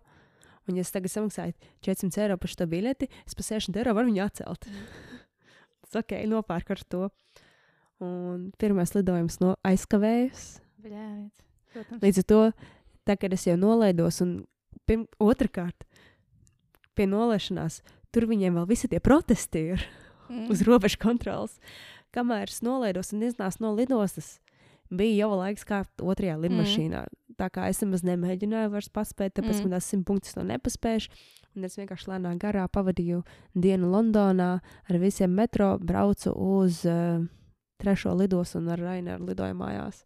Bet es paspēju aizbraukt līdz Abbey Road un uzsākt to vienu video Mm. pie Beatles dziesmas. Mm. Es vēl Mhm. neesmu ielikusi. Ja daudz tur komentēja zem tā video, kuram bija 4 miljoni tur tie skatījumi, daudz komentēja, ka you should do this on Abbey Road. Tāpēc Mm. tā ir Beatles dziesma, mm. viņam ir tas famous covers. And I did it. Jā, gaidām video. Īstenībā varētu pat atsevišķu podkāstu uztaisīt par uh, piedzīvojumiem lidostā un lidošanu. Es domāju, cilvēkiem ir daudz ko stāstīt par šo. Man ļoti nepatīk lidošana. Na, na, tas- Paš, pats lidojums man patīk, bet man ļoti nepatīk tās peripētīs pirms un pēc lidošanas. Mm. Visas tās kontrolas un apsardzes. Tas ir ļoti Un vienmēr ir kaut kāda piedzīvojuma. Tas ir ļoti nogalinoši. Jo man, jo man arī bija tas piedzīvojums, kad Covid laikā es gribēju lidot uz Latviju, kad robežas bija slēgtas, protams. Bet es nedrīkstēju palikt Amerikā. Jo tev, nu, tu nedrīkst palikt, man nav vīzes. Un pēc tam nevar arī pagarināt vīzu, jo es jau biju pagarinājusi vīzu, un ilgāk es nedrīkstu palikt. Bet izbraukt no valsts nedrīkst, tāpēc, ka ir slēgts robežas. Un tad uh, arī bija divas dienas, vienkārši es tur raudāju. Un vienkārši aiziet mani ārā. es lidoju Somiju. Un tad uh, Somijā drīkstēja tā kā Eiropas Savienības pilsonis ielidot, bet uh, man rādījās, lai tie sarkanie, ka, uh, ka, ka es nedrīkstu. Un tad beigās gluži bija. Un tad speciāli man Somijas vēstniecība rakstīja vēstuli uz uh, Ameriku par to, ka es drīkstu izlidot no Amerikas un ielidot Somijā. Bet tas Wow. aizņēma ilgāku laiku, un viņi apmaksāja arī to, ka man pārcēlās lidojumu. Jo es nu, netiku ar to. Bet tas bija liels tāds pārdzīvums. Vairāk takšos samaksāju. Jūs laikat, ah, es braucu lidostu. Nu, tu nevari lidot. Ah, ok, brauc atpakaļ. Brauc atpakaļ. Ah, nu, jā, mm, nebūs šoreiz. Es, ah, tas vienkārši netiek ārā. Un tad 30 stundas, kamēr tik līdzi. Oi, tur arī tur. Covid laikā ceļot, tas bija piedzīvojums nevienam. Neiesaku. Nu, cerams, ka vairs nebūs tāds Covid laika. Nā. Es zinu, kas Nu. vēl bija interesanti par Dubaju. Nu. Man ir par tiem māksliem, par kuriem es pati sak, sa, e, samaksāju. Tā ir man iedeva naudu par to. Un, A, tu vispār tik janvārī pērst? nē. Protams, ka nē, tāpēc viņi gribēja atlaist. Viņi saprata, ka lētāk, ja mani palaist, nekā man divas nedēļas pirms aiziet projām apmaksāt ārstu. Un kas vēl bija interesanti, um, bija arī tas, ka mums kostīmus it kā vajadzēja būt, kā visus apmaksā, bet beigās ar visiem tie sīkumus bieži vien prasīja, zeķebiks pērka paši, to pērka paši, to pērka paši. O, nē. Un, piemēram, mums pat negribēja profesionāls deju apavus pirkt. Mm. Lai gan viņa zina, mēs visas trīs meitenes sūdzējāmies, ka mums sāp mugura, jo mēs katru dienu stundām ilgi dejojam neprofesionālos papēžos. Mm. Piemēram, man viņa bija pa lielu, un pat bija vēl viena, kur man bija jādejo uz letes, kur bija trīs izmērs pa lielu sāvaki. Tādi, ka es katru reizi, kad spēlēju kāpā pie zemes, es nezināju, kur man zem papēža būs tas Mm. uh, heels. Un, jā, tā kā bija rītīgi bīstami, jo mums tā kā, kā, dejo, pa, kā dejotājiem vispār tā kā tā menedžeri neparūpējās, jo viņiem bija pats galvenais. Viņi tā, nezinu, vai viņai bija bailes no tā general menedžera vai kas bija, bet viņam vienkārši kā masunīti sekoja viņam līdzi. Bet mums visu laiku mazliet tā kā virs augumā. Fun. Ok, jā, bet Dubajas dzīve, tas pozitīvais, kas man šķiet ir forši Dubajā, ir influencer atbalsts. Jā. Bija forši. Runā par to pastāstīt. Bija rītīgi forši, kā es kā influenceris. Kas eh, tad skaitās influenceris no cik sekotājiem? Tūkstots. Tad jūs visi dzirdat, jums ir vairāk kā tūkstots sekotāji. Jūs jau Basic- Dubajā varat skaitīties kā Sievietes. Sievietes, vīrieši, nē? Nu, Kristaps teorētiski dabūja akceptēts, bet viņam nekādi tur īsti oferi nebija. Lielākoties tikai sievietēm, jo kāds tur ir prikals. Basically, vīrieši ir tie, kas tērē naudu Dubajā. Mm. Un vīriešiem viss maksā divreiz, trīsreiz dārgāk nekā parastiem cilvēkiem. es to un dzirdēju. parastās vietās. Mhm. Un basically, kāpēc viņi daudz influenceres visu kaut kur aicina pa brīvu, ir tāpēc, ka vīrieši grib iet vietām, kur ir sievietes. Mhm. Līdz to viņam Instagramā jāparāda, ka, oh, pie mums šeit uzsver sievietes. Jo vi, Dubajā vīrieši ir divreiz vairāk nekā sievietes, viņiem ir sieviešu trūkums. Mm. Tāpēc visas sievietes tiek lutinātas, un vīrieši pēc tam trīsreiz vairāk samaksās nekā tu tur apēdi anyway. Līdz to viņi neko nezaudē, plus viņam ir free marketings. Mhm. Tāpēc visas sievietes tur basically jāt pa brīvu. Sanāk, tad tu piesakies kaut kādā tajā atbalsta programmā, kas kaut kāda aplikācija. Aplikācija A-list. Jā, un tad uh, viņi te var ietēst. Jā, tu, tu tur visādi piedāvā katru dienu. Piemēram, tu vari šovakar vari šeit, es tikos un tikos, šovakar vari šeit, es tikos un tikos. Un requirement tu vienmēr uzrakstīts, ir vai nu tev jāieliek tur trīs uh, story Instagramā, ietagojot to, to un to. Uh, un tev tad vēl jāieliek Google review un jāuztais fotografijas, ka tu esi to storijas noturējis godīgi 22 līdz 4 stundas. Mm. Un jāsako līdzi, tā, ka tas arī bija četri čakarīgi, cities tā aizmirst uzsēsīt to screenshot, un tad tevi tur nedēļu nobloķē, un tad nevar nekā riet. Un... Bet ikdienā dzīvojot, teikšu tā, ja tu aizjūti pabalēties, tas ir tik forši. Mhm. Bet ikdienā dzīvojot reāli mēnešu laikā, laikam tas viss jau apnika. Nav jau arī tik daudz tās vietas. Dubai nav tik liela. Jā, Bet visu mūžu var jaunās vietās ēst. jā. Un, eh, jā, un pēc kāda laiciņa arī es to darīju vienkārši tāpēc, ka citreiz vienkārši, ka zinu, kā vairs nav naudas, un es zinu, ka man tur 15 minūšu attālumā ir viens hotels ar pieciem dažādiem restorāniem, tad es vienkārši tur staigāju pāriest vakariņas, un man vienkārši gribējās ēst, un man mājās ir tikai roltoni. Bet, un es rīktīgi vienkārši depresīvi jūtos, jo man tur kaut kāds tas vēl cīnīts ir ar uh, Labour ministriju un Mhm. kompāniju, un man vienkārši gribas kaut ko normālu pāriest, un man nav naudas, un es vienkārši eju taisīt stāstus, un visi domā, ka man tur baigi jautri, jo es lieku foršas stāstus. Mhm. Es tur vienkārši man tāds, es mirstu badā. Tas mazliet. Pēc īstenībā būtu forši, ja tu būtu arī rādījis to, ka, ej, es uh, nevaru atļauties ēst, tāpēc es izmantošu šo opciju un uh, iešu parādīt, kā var paēst. Šis būtu ļoti interesanti. Jā, bet tajā brīdī es vispār nedomāju par nu. Instagram un tam līdzīgi. Es vienkārši taisīju bare minimumu, kas man bija vajadzīgs, jo es ne ar ko negribēju dalīties. Jo Mm. tajā brīdī es katru dienu reāli kritu uz nerviem savai ģimenei un Gundaram. Un visiem es vienkārši katru dienu viņam zvanījos, lai vienkārši tupulūrētu telefonā, jo man pat nebija ko teikt. Es vienkārši gribēju kaut kādu cilvēku klātbūtni. Oh. Un es, ne, mm, es biju tādā headspace, ka es vispār ne par ko nevarēju padomāt, un es neko ar ko negribēju dalīties. un Es vienkārši biju, es vienkārši sapņoju katru dienu, kas jau esmu mājās. Mm. Mājās ir forši, mājās ir labākās. Hey. Bet eh, arī par to, okay, Dubai ir skaidrs. un uh, gribu parunāt par to sieviešu to, uh, atklātību, teiksim tā. Jo, e, kur mums Instagram sāk iztīties pēc reklāmas staba. Un es ļoti novērtēju cilvēkus, kas dalās arī ar to patieso skatu. Es gribu iedrošināt cilvēku. Es pat, protams, ļoti Visi. Google reviews ir fake. Ah, jā, jā, jā. Viņi visi ir nopirkti Dubajā bez reviews, un neko labu neatradīsi, tāpēc, ka tu nekad nezinās, jo visi tie ir nopirkti reviews. Tas jau. Es- Un Man arī Latvijā ir daudz ļoti- prasījuši, lai es uzrakstu vienkārši review vietās, Jā. kuras neesmu nekad bijusi. Un Tāds, what? Ir, un ļoti, ļoti grūti atrast cilvēkus, ar kuriem var normālu sarunu izvest. Tāpēc, kā, kā jau es tev pirms tam teicu, ka ir 90% no laika ir tas priekšstats, ka visām sievietēm interesē tikai nauda un cik viņiem ir ieguldīts lūpās un mākslīgajos pupos un mākslīgajās pakaļās. Un visi vīrieši ar viņiem arī normāli nevar parunāties, ka viņi visi domā, ka, ja tu esi sieviete, kuru mākslinieks apcēties simt punkti, tu esi nopērkama. Bet Pat viņi ja- pieprasa tādas. Es Vai šito es ne? nekad nesapratīšu. Tad visi vīrieši sūdzas par to, ka sievietes grib tikai naudu, izmantot viņu, un viņas izskatās tā un šitā mākslīgi, bet tajā pašā laikā viņi nepievērš uzmanību sievietēm, kuras tādas nav. Jā. Es, es, es to laikam, jo es, es laikam, sev lieku kā nu. Dubajā, man liekas, tie vīrieši tiešām grib Tas nav- vienkārši tādu trofiju vai blakus. Bet tas ir arī pasaulē, kad uh, čīkst par to, es nevaru atrast attiecības, es nevaru. Da, da, da, da, da.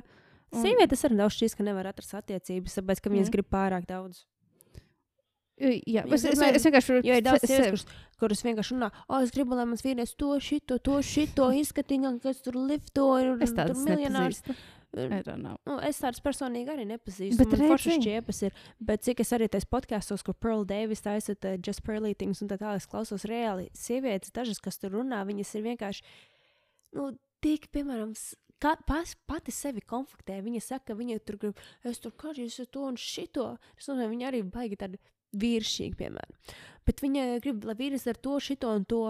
Man tāds, vai ko tu dod pretī? Mm. Ja Viņas bieži vien pašas nesaprot, kā tā visa dinamika strādā. Jo tomēr, ja tu esi sieviete, kas viena pati dzīvo un, un veidos piemēram, savu izņēmumu, tā ir pavisam savādāka dzīve nekā, ja tu esi sieviete, kas dzīvo kopā ar vīrieti, kurš, piemēram, ir labs uzņēmējs, un ka tev tomēr viņam ir jādod tas atbalsts, un viņš tev var citos veidos atbalstīt. Tā ir savādāk veida dzīves dinamika. Un, jā, Un, rezumē, okay, bet tas, ko es gribu pateikt, ka tā, šīs, s- tas, ko es esmu novērojis, šeit, ka Latvijā, nu, ka es nevaru teikt, Latvijas vairāk Amerika, Amerikai pievērš uzmanību par to, ka tiešām ā, sievietes copē, viņas sev pārtais līdz nepazīšanai un uzvedās līdz nepazīšanai. Un, ā, Un tad uh, brīnās, kāpēc viņas negrib, bet vīrieši pieprasa viņas tādas, bet vīrieši viņas negrib. Un ta- tas, tas ir tāds, laikam, es nezinu, jūs saprotat, ko es ar to gribu teikt. Um, ka dabiskas sievietes vienkārši, kas dara savu lietu, bieži vien ir vienas pašas. bet tās ir tās, kas pēc tam kļūst par sievām.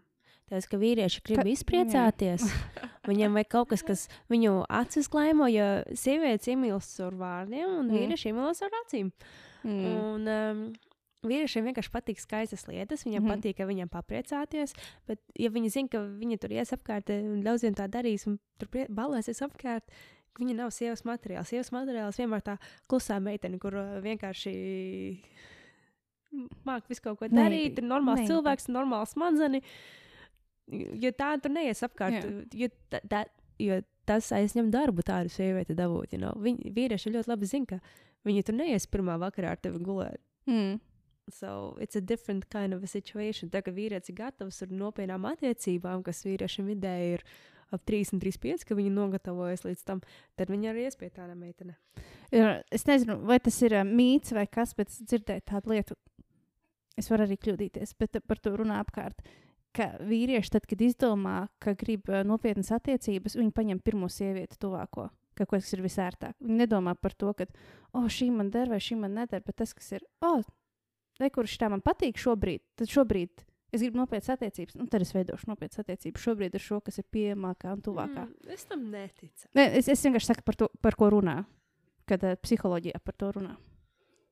Tas noteikti ir nav simtprocentīgi visu laiku, bet, tā, piemēram, mēs kā sievietes, mēs izvērtējam, kā šis vīrietis uh, mums atbilst, ja tā var teikt. Bet Jā. vīrieši izvēlas to, kas ir tuvākais un ērtākais. Tajā Es noteiktajā liekas, brīdī. galīgi nepiekrist, jo cik es esmu runājis vīriešiem, viņi īstenībā ir, viņiem ir daudz vairāk standartu sievietēm nekā mēs domājam. Es ceru, jo es negribu, lai tā ir taisnība. Tā nav. Es, e- es neuzskatu, ka tā ir taisnība. Labi, ir vīrieši, kuriem nav daudz opciju, ja, piemēram, viņš tur vienkārši Bet tā ir psiholoģija, tas ir fakts. Tas ir ir tāpēc- psiholoģiski kaut kādā, nu, nevis nozarē, bet kaut kādā Tāpēc, ka mē- rajonā, vidē. Tas ir somewhere tāpēc, ka mēs dzīvojam pasaulē, kur e, visas sievietes ir tagad dēļ sociālās vides. Domā, ka viņas visas sievietes ir visdesmit, viņas visas ir vislabākās, un līdz ar to viņas negrib vienkārši parastu vīrieti, kurš, piemēram, Bet joprojām es nepazīstu tādas. Es tādas sievietes nepazīstu. Mēs foršā draugu lokā esam. Bet, bet ja tu paklausies online, kā tās daudzas sievietes, kuras katru nedēļu mainās, ir citas sievietes, jos podkāstos, viņas visas reāli domā, ka viņas ir desmit. Jo ir viss šis body positivity, ka viņas var ne, nekopt savu veselību un tik un tā, tā kā pelnīt savu ļoti labu vīrieti. Un arī visi tie statistika, kas mums ir tajā dating saitos, rāda, ka basically visas sievietes laiko tikai 20%, pro, top 20% vīriešu. Mm. Sanāk, viņas tikai top 20% vīriešu dabūna sievietes gultā. Un sanāk, visas viņas iet vienam tam pašiem vīriešiem. Un ir as- 80% vīriešu, kas ir vienkārši parasts vīrietis, piemēram, tur average izskats, average alga, var parūpēties par ģimeni un tā tālāk. Viņam nemaz nevienu nedabūt, jo visas kā apmātes skatās tikai uz tiem top 20%. Nepazīstu tādas. es neesmu nekad bijuši iepazīšanos saitos, tāpēc es vispār neskaitos pie tās. Jā, tāpēc es vienkārši stāstu, kas, ko es esmu Man šķiet, ka novērojis. viss šis ir. Mēs runājam par Amerikas kaut kādām statistikām. Jā, Nu, šķiet, ka Latvijā tāda mums nav statistika. Nē, Nē, es- Latvijā, ir man patīk. Latvijā ir bijuši tradicionālāk cilvēki, kas man ļoti patīk. Uh, Latvijā pats, es tagad aizmirsu tos procentus. Laikam bija, ka Tinderī ir 80% vīriešu, 20% sievietes. Jā. Vai 60% vīriešu. Nu, tā ka ļoti daudz vairāk ir vīriešu un sievietes. Mm. -hmm. Vienkārši neizmanto šos uh, sociālos tīklus, kas ir iepazīšanās. Jo es arī neizmantoju. Man, es nespēju cilvēku novērtēt pēc izskata. Tas ir pirmais, kāpēc es neizmantoju iepazīšanās. Uh, Tīklus, jo man pilnīgi vienalga, kā tu izskaties. Man reāli tā, ka man ir svarīgi, lai cilvēks uh, rūpējas par sevi. Bet uh, tā, tāda sīkuma, nu, Tieši īstenībā lielākoties e, tas ir diezgan aplami, ka vot, sievietes reizē baigi paliek vizuāli džudžī pēc mm. Tajos saitos. Jo teorētiski, bioloģiski vīrietis ir tas, kas, e, kuram vajag redzēt skaistumu, lai bū, būtu tas pirmais attraktions. Mm. Sievietēm tiešām jābūt skaistām yeah. koptām. Mhm. Mm. Bet sievietēm vairāk ir tas, ko vīrietis var providot, to safety vai jā. security vai tam līdzīgi, kas ir ar Uzskati, to vērtības, Jā. kā tu Vīrietim- izaicināt. Un, sievietei jābūt attiecībās tai daļai. un Vīrietis var Mm. izteikties, kā man grib, bet ja viņš, var, ja viņš ir iekšā īsts vīrietis, viņš Mm. tagad tādā būs to sieviete. un tad otra lieta, es ienīstu sarakstīties. Es vienkārši arī. neciešu sarakstīties. Vienkārši nerakstiet man. Es nevaru. Man tas izraisa neirozi, man kaitina. Es labāk satiekos, parunājos. un viss, Bet Es labāk video zvanā, sazvanos uzreiz. Man tikko viena klases biedrene rakstīja no desmit gadiem atpakaļ. Viņa tāds, hei, kā tev vispār dzīvē iet? O, tāds, nē, vai ne? man bija tāds, Es tev piezvanīšu. Un es tā arī izdarīju video zvanā, piezvanīju, un mēs pēpājām pusstundu. Man bija tāds, es nevaru rakstīt. Nē. jep. Tāpēc arī es ļoti priecājos, ka šobrīd ir balss ziņas. Um, Jā. Jo es neciešu. Zinu, daudz cilvēkiem nepatīk balss ziņas, kad viņi tā kā, oh, kāpēc tur ne, ne, ne, ne. Tu vari īsāk. ātrāk, ietaup laiku. Viņiem liekas, ka īsāk ir uzrakstīt. Tāds, ja ir iespējams, es vai nu ļoti īsos teikumos atbildu, un tas varbūt izklausās, ka es neesmu ieinteresēta, lai gan es esmu ieinteresēta, bet man vienkārši besīs sarakstīties. Tas Tu arī, kas man besī rakstīšanā, tur arī intonāciju nedzird. Un bieži vien intonācija Jā. daudz ko maina. Kā Un- tu pasniedz to? Jā, un, man, piemēram, es esmu jau tajā vecumā, ka es laikam nesaprotu emoji, un es viņus izmantoju kaut kā, un man dažreiz pasaka, nē, šis emoji nenozīmē to, ko tu domā. Tāds, vai arī ir otrādāk. jo es esmu tā kā nevis apvainota, bet aizrādīta par to, ko tu man tagad sūti, ko tas nozīmē. Tā, ah, tas bija smieklīgs, ka es pa sevi pasmējos. Ah, nē, tas nozīmē tieši otrādi. Kad es pa citu smējos, man tāds, kāds sakars vispār šo emoji izmantoju vairākus gadus, lai pa sevi pasmietos. Nevis pa citiem, es vairs neatceros, kurš, bet uh, kaut kāds mērkaķu emoji, kad es pa sevi smējos. Un tad citi domā, ka es pa citiem, ok, sarežģīti. Tad ir divas lietas. Nespēju novērtēt cilvēku pēc izskata. Un otrs, es ienīstu sarakstīties. Tāpēc es nemaz nemēģinu to Tinderu, vai es pat nezinu, kas vēl eksistē.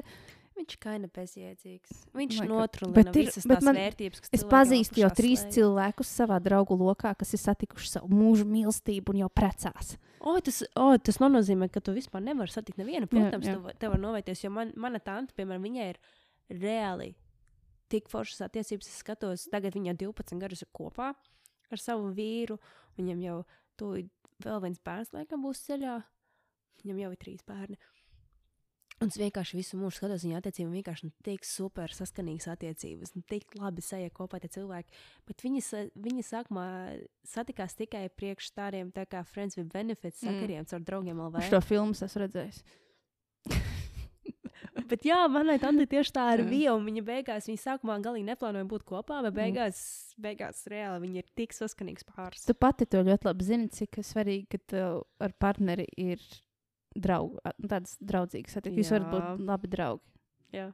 Cik tas ir svarīgi. Jo tā, tās rozā brilles ar laiku pazūd, un ir mm. -hmm. svarīgs tas pamats. Mm -hmm. Manuprāt, Nē, ko tad es vispār ir. zinu? Tomēr man, kad tā gandrīz četri gadi draudzība pārvērtās par attiecībām, tā bija reāli labākā lieta, kas man ir notikusi, liekas, mūžā. Es esmu ļoti priecīga par to. Un tagad jau vairāk kā gads pagājis, un vēl aizvien tikpat saulaini, rožaini, tā teikt, kā sākumā. Bet arī mēs abi piestrādājam pie tā, lai tas tā arī turpinātos. Tāpēc, ka katru reizi, kad mums piemēram, kaut kas nepatīk, mēs kritizējam viens otru, mēs tomēr diskutējam par tām lietām, kas mums piemēram nepatīk, lai mēs abi augtu. Un mēs ļoti ar godīgi vien, viens otram arī pasakām, mēs viens otru turam augstus standartos. Jūs izaicināt, to tas ir jā, mēs izaicinām. svarīgi. Un, ja es redzu, ka viņam lietas, ko viņš var piecerēt un izdarīt labāk, es arī kritizēšu to un pateikšu. Mm. Un Man ļoti patīk, ka viņš arī nebaidās kritizēt mani. Jo man ir citreiz, ja ir piemēram kā- kāda skaista mēneša, tad daudzi vīrieši ļauj, ka viņus paliek zem tupeles. Mm -hmm. Bet tomēr tev jāpierāda, ka tu esi vīrietis un ka tu esi vadošais. Jo es biju šokā pirmo reizi, kad man kaut ko viņš pateica, tāpēc, ka es to galīgi negarīju. Man bija tāds, wow. How dare you? Bet tas man lika viņu ļoti respektēt, jo viņš man. e, Neskatoties to, ka, piemēram, viņš tur saka, ka es esmu viņa sapņu sīvīte, viņš man arī godīgi pateiks, re, ka to tu ne tā dari, un šito tu ne tā dari, šito tu uzlabot. Man tāds, ok, thank you. Jā, jā, jā. Viņš man neļauj, viņš man neļauj sevi zem atslābst. palikt. Mm. Lai gan tas ir īsi, man liekas, sievietēm. Tas ir, oh, es varu dabūt tev tur beta mēlu, kā saka, bet, Jā, bet tas ir arī jāskatās. tomēr dabūt īstu vīrieti, kurš neļauj, ka tu pret viņu tā izsver. Tas tāds, ok. Jāskatās arī, nu, protams, kādas attiecības vēlēs, bla, bla, bla, kā, ko cilvēki grib. Bet es arī Protams. gribētu tā, ka uh, man vajag, kas mani izaicina, varbūt pat ir gudrāks nekā es. Jā. esmu nenormāli gudrs, atvainojos. Un man tas pats bija. Un man ne? forši būt kopā cilvēku, no kā man ir ko smelties un Jā. mācīties. Tas tik forši. Un, un tas, ka, cik ļoti es vēlos daudz sasniegt un strādāt. Un es gribu, lai nevis man pasaka, ko tu tur dari. Tu varbūt mazāk strādā, varbūt. Nē, es tieši gribu, lai man atbalsta tajā, ka es daudz strādāju. Jūs visu mūžu daudz strādājat. Būt. Jūs s- no sākuma likās, ka tas ir tikai fāze. Māmiņa, it's a phase. Bet tā nav fāze. Visu laiku gribu daudz strādāt. Nu, es saprotu, man nav tik traki. Es gribu visu laiku strādāt. Man ļoti, piemēram, patīk, ja ir piemēram, Bet, nu, ne jau- dienas mm. jāstrādā un trīs dienas brīvas, lai darītu savas lietas. Bet, redzi, es nerunāju par darbu kā darbu, bet par to, ka arī pie sevis Darbībā strādāt. Visu laiku būt kustībā, un tad, kad man ir brīvs, es strādāju pie savas izaugsmes. Jā. Ja man arī patīk, ja man darbiņš, piemēram, ir uz puslodzi, tāpēc man patīk, piemēram, dabūt lielāku algu par stundu. Tad es gribu, lai man darbs ir puslodzi, jo tad man ir arī pietiekami brīvais laiks, tad strādāt pie sevis un dabūt to enerģiju, lai es varu simtprocentīgi ieguldīties tās stundas tajā darbā, ko es daru. Mhm. Nu, nu, tā vaj- vajadzētu būt. Jā. Mm. okay, um, dejošana. Tas ir dejotāji. Jā. Es Ir- nezinu, cik es ļoti vairs esmu dejotāja. Ew, tad uh, mums aug jaunā dejotāja paudze, kuri grib būt par choreogrāfiem, kuri grib strādāt šajā. Vai tev ir kāds uh, ieteikums? Man ļoti grūti pašlaik ieteikumiem, jo es vēl aizvien esmu tajā fāzē, ka man šis sāp šī pēdējā pieredze. Un es esmu baigi apvainojusies uz deju Mm. pasauli, teiksim tā. Mm. tāpēc pašlaik meklēju citas karjeras iespējas. Protams, ja kaut kāda ie- paaicinājuma nāks, man vēl aizvien ir tomēr 18 gadu sastrādāts skillsets. Es ļoti daudz ko māku. Un, ja man jāiziet, tas man reāli patīk to darīt, bet pašlaik es ļoti apvainojos uz tevi pasauli. Un es gribu atpūsties no tā visa uz vairākiem mm. mēnešiem. Tu pasīties vēlāk, vai man tas tiešām atkal sāks patikt vai nē. Bet pašlaik es esmu mekl dzīves meklējums kaut ko citu darīt. Vai tev šķiet, vai tas ir saistīts ar to, ka mēs esam jaunavas? Pēc horoskopa. Nezinu. Jo man ir tā, ka es visu laiku gribu jaunas profesijas, man daudz kas patīk, un es gribu attīstīties visās profesijās. Es zinu, daudz cilvēku izvēlēs savā dzīvē divas lietas, kas tev patīk, un strādā pie tā. Bet man patīk 15 lietas, un es gribu strādāt pie 15 lietām. Izklausās pēc mainīsies. Nu, tur jau that's the point. Bet, saka, mums ir ļoti līdzīgs tas skatījums uz to arī par Es to. tagad domāju, izmēģināt tetovēšanu, jo es Tieši, jā, četrus gadus atpakaļ izmācījos Mm. mm. par tetovētāju, un to tieši eh, Dāvis Fomins jaunu tetovēšanas salonu vērs vaļā. un es domāju, Pagaid, to drīkst teikt? Es nezinu, to drīkst teikt. Man liekas, jo visi zina, ka viņš vērs vaļā. Viņš Ok. okay. stāsta visiem. Ah, okay. Jūs vakar tieši ar viņu sarakstījos, un es teicu, ka viņi nosūtīšu savas jaunās idejas. Jūs gribu aptetovēt savu muguru, turpināt. Jūs izstāstāt, ka man nav tetovējuma, bet gribam, visa mugura ir aptetovēta. es vēl tur nevarēšu pirks pielikt. Jā, es esmu tava kanva. Man ir viena, es negribu teikt, ka man ir viena alga, bet uh, mans ķermenis Nu, ir nē. mana kanva, un es labprāt rakstu dažādus savus dzīves posmu rakstus. Kad, nu, Es varētu kaut es, kādas, es, nekad, kaut ne, kādas raganu simbolus uzlikt. es nekad nevarētu iedomāties noņemt tetovējumu.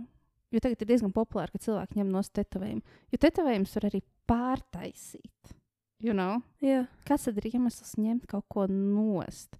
Un tas, man, un tas ir tik nenormāli sāpīgi un trausmīgi. Varbūt, ja tev ir viens maziņš un tev ķermenis ir brīvs, un tu gribi, bet tur rēta paliek. Anyways, um, tad man ķermeni droši var tetovēt, un es labprāt gribētu, lai man ir dažādi dudls un visādas features virsū. Un tas atgādina vienkārši par kaut kādiem dzīves posmiem. Un why not? Lai gan, uh, bija oh, viens zinātnisks pie, uh, pie, pētījums par to, kad, uh, kā tetovējuma imunitāti ietekmē. Un tur nekas labs nebija. Bija baigi slikti. Bet es mēģinu pievērst tāds. Oh. Jā, tur baigi, baigi traki bija, ko nodara You tetovējumi. only live once. Bet man tik ļoti patīk tetovējumi. Man arī. Jā. Ok. Mums jāiet uz beigām. Mēs jau runājam, cik ilgi mēs runājam? Pusotru stundu. Mm. Bet vēlēs kaut ko pateikt. Ko es vēlos pateikt? Es esmu atvērta jaunām iespējām. Pagaidzi, tā nav reklāma. Pašaklāmas, iesprādums, let's go. Bet um, hm, ir kaut kāds piedzīvojums, kur kaut kas iedvesmojošs. Tu lasi grāmatas? Es gribu sākt lasīt grāmatas. Man ir ļoti grūti uzsvērt informāciju, lasot, jo es vislabāk Grāmatas var uzsveru. arī klausīties. Redz, tas nav lasīt. You know? Es domāju, ja man jālasa grāmata, man viņa jālasa kā grāmata, nevis klausīties. Jo es audio vizuāli uzsveru informāciju. Tāpēc vislabāk es vienmēr skatos dokumentālās filmas par kaut ko, kas man interesē. Bet man jāiemācās lasīt, jo es pēdējā laikā tīpaši Gunārs arī man pateica, ka tā ir sajūta, ka man smadzenes sāk atrofēties, jo es tomēr skolu pabeidzu pirms desmit gadiem. Man bija supergaiša galva, es varēju ātri rēķināt, man bija ļoti viegli skolā, ļoti viegli saprast informāciju. Un tagad es jūtu pēdējā laikā, kad ir vajadzīgs tas skills, bet viņš ir kaut kā pazudis pa desmit gadi. Un man yep. vajag smadzenes darbināt. Nu, jā, bet, uh, ja tev tiešām ir baigi grūti, nemoki sevi. Nav tik grūti, vienkārši grūti uzsākt. Ah, okay. Nu, tad uh, ir Tas 5 ir vienkārši likums. tas ir excuse. You know? Jā, 5 sekundes likums. 5, 4, 3, 2, 1 un saslasīt. Okay, nobeigumā es īstenībā gribētu zinātniskām lietām parunāt. Mēs vienkārši kaut kur runājam, bet man ir zinātnīs podkāsts par grāmatām un par tādām lietām. Gribās kaut ko iestrādāt arī par to. Davai. Man vajadzēja sagatavoties. Uh, confirmation bias. Tā tad uh, tev ir uh, ticība un uh, ah, skaidrs. Tad tev ir ticība, vai ne? Tu kaut kam tici, piemēram, dievam. Mm -hmm. Pieņemsim tas kā piemērs. Un uh, tu meklē pierādījumus, lai tā būtu taisnība, lai apstiprinātu šo ticību. Un to ir iespējams izdarīt. Tāpēc, ka tu tici tai ticībai, un mūsdienās ir iespējams atrast uh, pierādījumus, ka tas eksistē. Yeah. Un, uh, bet cilvēki neizmanto zinātnisko metodi, kad tu izvirzi tātad to hipotēzi vai jautājumu, savāc pierādījumus un tad pārbaudi. Mm. Nevis vienkārši tam, ka tu tici, ja, piemēram, arī cilvēki man ir apspriesti par alkoholismu. Nē, tas nav. Ir iespējams internetā atrast informāciju, ka varbūt man nav taisnība. Ka, piemēram, katru vakaru dzerot vīna glāzi, tu vari ilgāk dzīvot. Tā var atrast tādu informāciju, bet viņi neņem vērā to, ka tas ir vienā pasaules rajonā, kaut kādā Itālijas mazajā pilsētā, un tev jāēd ir noteikts ēdiens, jāelpo noteikts gaiss, tev ir jābūt noteiktā prāta stadijā, lai ilgāk dzīvot. Ne jau no vīna glāzes, vienkārši Jā. uh, tā sagadījās. Tā visa kombinācija kopā Jā. ar visiem pārējiem apstākļiem. Tad uh, cilvēki pārsvarā. Vienkārši tie, kas grib ļoti dzert to vīnu glāzi dienā, viņi Atradīs informāciju, lai viņiem būtu tāds, rekomendācija tā. taisnība. Tāpat tās vakcīnas. Cilvēki atradīs informāciju par to, kāpēc vakcīnas ir sliktas. Es ticu, ka vakcīnas tur ir labas. Es atradīšu informāciju, ka viņas ir labas. Jā. Uh, arī par, es atvainojos, par šo situāciju par krieviem. Krievi atrod informāciju, kāpēc uh, Ukraiņi ir slikti. Lai gan tā nav patiesa informācija, bet viņi var atrast. Mm. Ja, nu, kādas viņiem ir nenormālas ticības, kas viņiem ir ieskaidrotas. Nevis viņi izvirza šo hipotēzi, atrod pierādījumus un pārbauda. Neviens nepārbauda šādas lietas. Un, um, jā, tas ir mūsu prāta sla- slasts, ka mēs uzreiz savām ticībām, kas mums ir iedotas bērnībā, noticam, tāpēc, ka mums apkārtā notiek, mums cilvēki apkārtā runā, un mēs varam atrast informāciju par to, bet mēs zinātniski nepārbaudām un neejam tajā dziļāk. Jā, man ir ļoti žēl, ka tagad ar tiem krieviem tāda situācija ir palikusi. Tāpēc, ka es atceros bērnībā, loģiski, ka es arī tiku uzaudzināta ar tādu tā kā low-key hate pret krieviem. Es pat vienu stulbētu izdarīju, ka man bija astoņi gadi. Es vienam krieviem, kas manā rajonā dzīvoja, izsitu mājas logu netīšām. Tikai tāpēc, ka viņi bija krievi. Netīšām. Pagaid, Es Tiešām. tēmēju blakus logam ar to akmeni. Es gribēju vienkārši pa māju koku trāpīt, un es netiešām trāpīju logā. Man bija tāds, man bija tik bail. Man, man pēc tam urgrādījās, ka atnāks policija, un man ir savāks un Mm. apcietinās. Mhm. Neviens tā neuzzināja par to. Es ļoti Oh. atvainojos tam cilvēkam, jo viņi ilgi nesalaboja viņu. Es Nosauks adresi. Nē, es, es, es reāli es pēc tam tik slikti jūtos, jo es domāju, ka varbūt viņiem nav, nepietiek naudas viņu salabot un ir augsti un ir ziema. Jā, es pēc tam katru rītu garām pārdzīvoju par to, ko es netiešām izdarīju. Bet tad arī es aizbraucu dzīvot uz īriju, kā jau daudzi zina. Es uzaugu lielu daļu dzīves īrijā, un tur es satikos ar visādām tautībām. un Visādas tā kā es uzzināju, piemēram, arī meitenes, kas bija no Dienvidāfrikas. Viņas stāstīja, ka, piemēram, mūsu mēdījos tā informācija galīgi aplama. Tur teica, ka tur savādāk tas un šitais. Un ot, tad es atbraucu atpakaļ uz Latviju 21 gadu vecumā. Un es domāju, kāpēc, piemēram, man tik ļoti nepatīk tie krievi. Es, man jau personīgi viņi neko nebija izdarījuši. Mm Mhm. -hmm. Tad es pat saņēmu, un es nopirku vīzu. Es aizbraucu paskatīties, kā vispār ir Krievijā. Es aizbraucu uz Pēterburgu, man ļoti patika. Un es vispār lauzu to savu uzskatu ka Mhm. viņi ir slikti cilvēki, tāpēc, kas man lika, ieli, tika ielikts bērnībā, man tāds, evo, man tur bija ļoti afigēna laiks, viņi tiešām bija ļoti prekidnākoši un draudzīgi, mm -hmm. un, piemēram, kad es savā laustījā, tur krievu valodā runāju, viņi tāds, o, tev ir interesants akcents, un bija tiešām ļoti forši pavadīts laiks veselu nedēļu, man ļoti patika. Bet tagad ir žēl, ka, ot, ka sākas visas tās negācijas, mm. ka man tagad pēdējā gada laikā, kopš sākās karš, man bija tā, ka es, piemēram, ar Baltu skūteri braucu naktī. Mēs trietā bijām mēs, Gunārs un vēl viena draudzene. Un es biju pēdējā rindā un vienkārši kaut kā krievu grupa mani apstādināja un sāka man braukt virsū, ka ķipa, tā, ka es braucu uz skūteri, viņi saka, šī iela ir tikai gājējiem. Un, Nakts vidū? Jā, jā. Un es nezinu, viņi vienkārši tur kaut ko tusējas apkārt. Mm. Mēs vienkārši braucām garām. Viņi vienkārši gribēja kaut kā mani paternizēt, jo mm. viņi, Mm. redz, viņi dzirdēja, ka es nerunāju krieviski, jo- ka es runāju latviešu. Man tas liekas tik stulbi. Kāpēc bojāt? Ja mēs dzīvojam visi vienā valstī, kāpēc bojāt vienam ar otru to garu stāvokli un jūs izturēties slikti vienam pret otru? Ja Mm. jūs gribat, lai mēs jūs pieņemam, kāpēc jūs darat visu, lai mēs jūs nepieņemtu? Mierīgi. Viņi ir uzaudzināti tā, ka viņi ja, īstenībā pieder šī valsts, un mēs esam nozaguši no Krievijas. Tā viņa. Nē, Latvija un Livonijas laikiem, sorry, mēs tā vienmēr Latvija. Protams, bet viņiem ir šī informācija, ka šī zeme pieder Krievijai. Krievi vispār, Krievija vispār bija tik maziņa valstiņa oriģināli. Viņi vienkārši visu kā cancer atņēma visām citām valstīm. Ar vardarbību. Jā, Bet, Nē, nē, jā, un, protams, ir nenormāli daudz krūti krievu cilvēki. ja tās pašu oriģinālā vēsture vispār, Krievija bija tur ap Maskavu tāds maziņš rajoniņš. Bet par, par, par Krieviju. Mēs, pro, protams, mēs zinām, jo mēs paņemam to hipotēzi, mēs viņu savācam pierādījumus un mēs pārbaudām. Mēs esam audzināti, nevis mēs akli uzticamies kaut kādiem apgalvojumiem. Lai gan viņiem ir safabricēti visi šie te, uh, pierādījumi, un tad uh, es ik pa laikam iedomājos, Es teicu, gan jau mums arī kaut kāda es domāju, vai mums, vai, safabricēts. vai mums arī nav kaut kas safabricēts. Protams, abās pusēs viss safabricēs. Tāpēc mm. Mm. vienmēr konfliktiem jāizskata abas divas puses un mm. Mm. abi divi argumenti, un kaut kur pa vidu mūsu taisnība.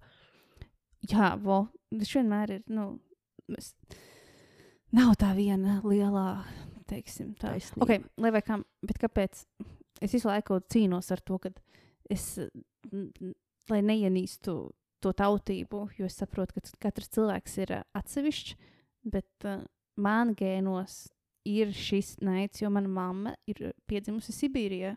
Sanāk, mana vecmāma ir izsūtīta, un uh, deviņus gadus mamma ir dzīvojusi Sibīrijā. Mana Un- vecmāma arī vienu laiku dzīvoja Sibīrijā. Tas, protams, Man liekas, ka tā bija mana, vai nu mana vecmāma, vai arī tēta mamma, vecmāma. Es Jo- neatceros, kura. Jo es, uh, mēs atceramies šo pārdarījumu. Mm -hmm. Un, diemžēl viņš arī šobrīd, kad es redzēju Twitterī, to, ka uh, ārlietu ministrs, ministrs laikam no Krievijas, ne, nu, es varu kļūdīties, bet viņš teica, ka viņi tagad šobrīd dara visu iespējamo, lai apturētu karu, uh, Ukrainas uzsākto karu. Krievi ja, mēģina tā kā Ukrainas iebrukumu apturēt. Kā tu vari uzsākt karu, kas notiek tavā teritorijā? Un, un, uh, un vismieklīgākais, viņš kaut kur ārzemēs to runāja, un visi vienkārši publikā, oh, vabu, un sāk smieties par to teikumu. Un tas vīrietis vienkārši turpina runāt. Un tāds, uh, ok, šī politika atkal. Man patīk tas viens politiķis, es aizmirsu, kurš no latviešu politiķiem tas bija. Kaut kādā Eiropas kongresā, un tur bija divi krievi. Un viņš teica, Ruskija vai Enīka Rābeļa. Mm. Bet es redzēju, ka tas bija vairāk, bet viņu nenoskatījos. Un vajadzēja, tas bija Ne. tik labs. Man tāds, "Ot, š- šitam es varu piekrist. Šitas politiķis, lai viņš palīdz mūsu valstī. Reāli bija ar visas kontekstu, ko viņš pateica. Bija nu, tiešām man likas tas aplāzs. Tāpēc es biju ļoti, ļoti drosmīgi īstenībā skatoties, kā krievi dažkārt rēģēs kaut kādām lietām. Mm. Bet kas man liekas arī interesanti, kad es biju Krievijā, paši krievu krievi. Viņi pat nezina, ka mums Latvijā ir cilvēki, kas runā krieviski. Mm. Viņi atbrauc uz Latviju, domā, ka jārunā angliski, ka tā ir Eiropas Savienība. Viņi nezina, ka mums vēl aizvien šeit ir tā. Bet tā ir daļa. Jo ne, Viņi, tā, tā viņi ir daļa. pavisam savādāki nekā latviešu krievi. Un pašiem Hmm. krieviem nepatīk latviešu krievi, jo viņi kaini nepiedara nevienam no otram. Tev, tas ir mīts, un tā ir noteikti, noteikti sabiedrības daļa. Es, piemēram, pazīstu Losandželosā, tad ļoti daudz krievus, es pazīstu ļoti daudz ukrāņus. Un viņi vienmēr ar mani uzsāk runāt krieviski, kad dzird, ka es esmu no Latvijas. Labi, man Dubajā ir vairāk šīs tā notika, man tas tā bēsīja. Es tik vienmēr, man ir, ja, piemēram, jauns cilvēks, viņš vienkārši pajautā, vai es runāju bišķiņu krieviski, viņam lausta angļu valodu, man tas, jā, es runāšu krieviski, jo, ķipa, es iemācījos to valodu bišķiņu, cik varēju, tāpēc, ka tomēr tā ir vēl viena valoda, un tas ir vēl viens. Forši zināt valodu. Jā, valodas vienmēr ir forši zināt, tāpēc arī zinu bišķi to spāņu, franču un pārējās mm. valodas, jo man ļoti arī interesē valodas. Un, bet katru reizi, man vienkārši tā, ja pat dzirdēs, es no Latvijas un uzreiz sāk runāt krieviski, man tāds, no, I don't speak it, no, Mm. no, I don't need to, tāpēc, ka man tas nav vajadzīgs. Mm. Pirmkārt, angļu valoda vispār ir vistuvākā valoda, uzaugot ārzemēs. Krievu valodas reāli iemācījos pēdējo cik pāris gadu laikā, jo es dzīvoju ar vienu meiteni no Krievijas kopā. Mm. Man tas teorētiski nav jāzina un nav jāmācās tikai tāpēc, ka jums tā pieklāk. Es tā jau runāju piecās valodās.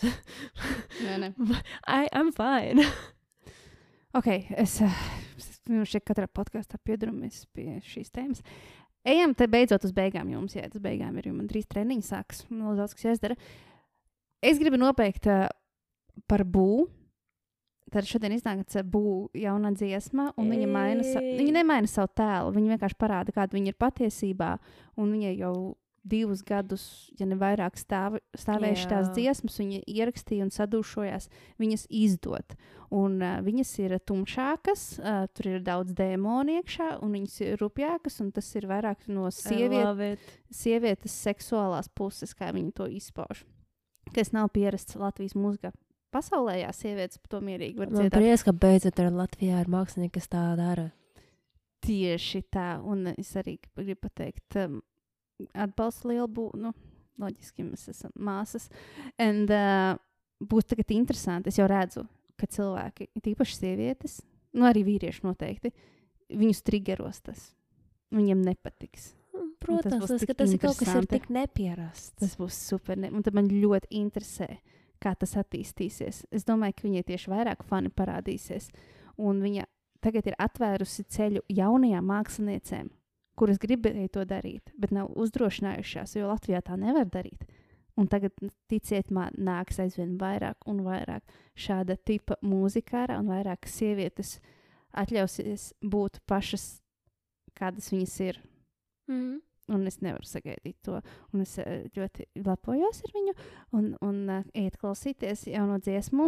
Un, uh, jā. Esam, esam atvērti. Mēs jābeidz beigt slēpties un tēlot uh, kaut kādus labos. Mēs, mēs šeit latvieši pārāk tēlo, ka Vispār pārāk labi. jāsaņemās reāli. Jo es arī sabraucu uz Latviju atpakaļ ar tādu domu, ka man tāds, zinīgi, man apnicis laikā ārzemēs meklē, ko es gribu. Es sasniegšu to Latvijā. Un, ja tas nav sasniedzams Latvijā, tad es to izveidošu, lai tas ir sasniedzams Jup. Latvijā. Kādam tas ir jāizdara beidzot?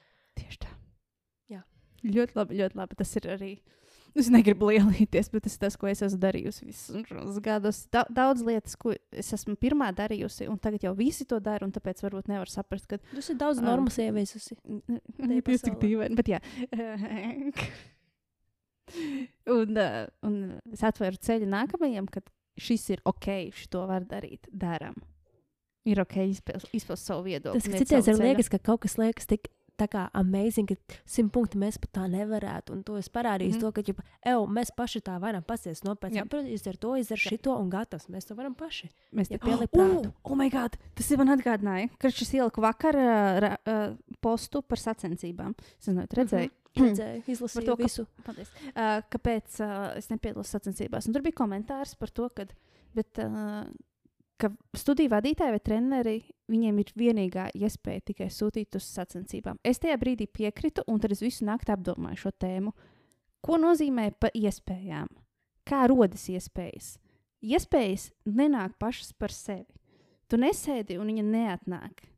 Visas šīs iespējas, kas izskatās, ka es esmu veiksmīga, es esmu tāda, šāda, es viņas radīju, es viņas organizēju un es viņas veidoju.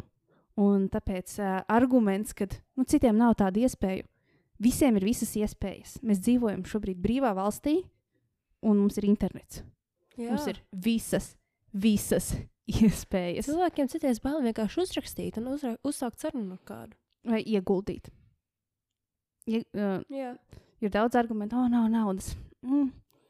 Uh, var arī sadarbības dabūt. Internets! Un var arī ļoti kreatīvos veidos apiet visādas budžeta lietas. Jā, tur jau tā lieta. Tik daudz uh, cilvēku vairāk reizgājuši TikTokā ar ļoti sudīgu kameru. Jā. Jā, ļoti sliktas kvalitātes, bet ar interesantu ideju. Jā. Tieši tā. Tāpēc uh, šīs iespējas mēs paši radām.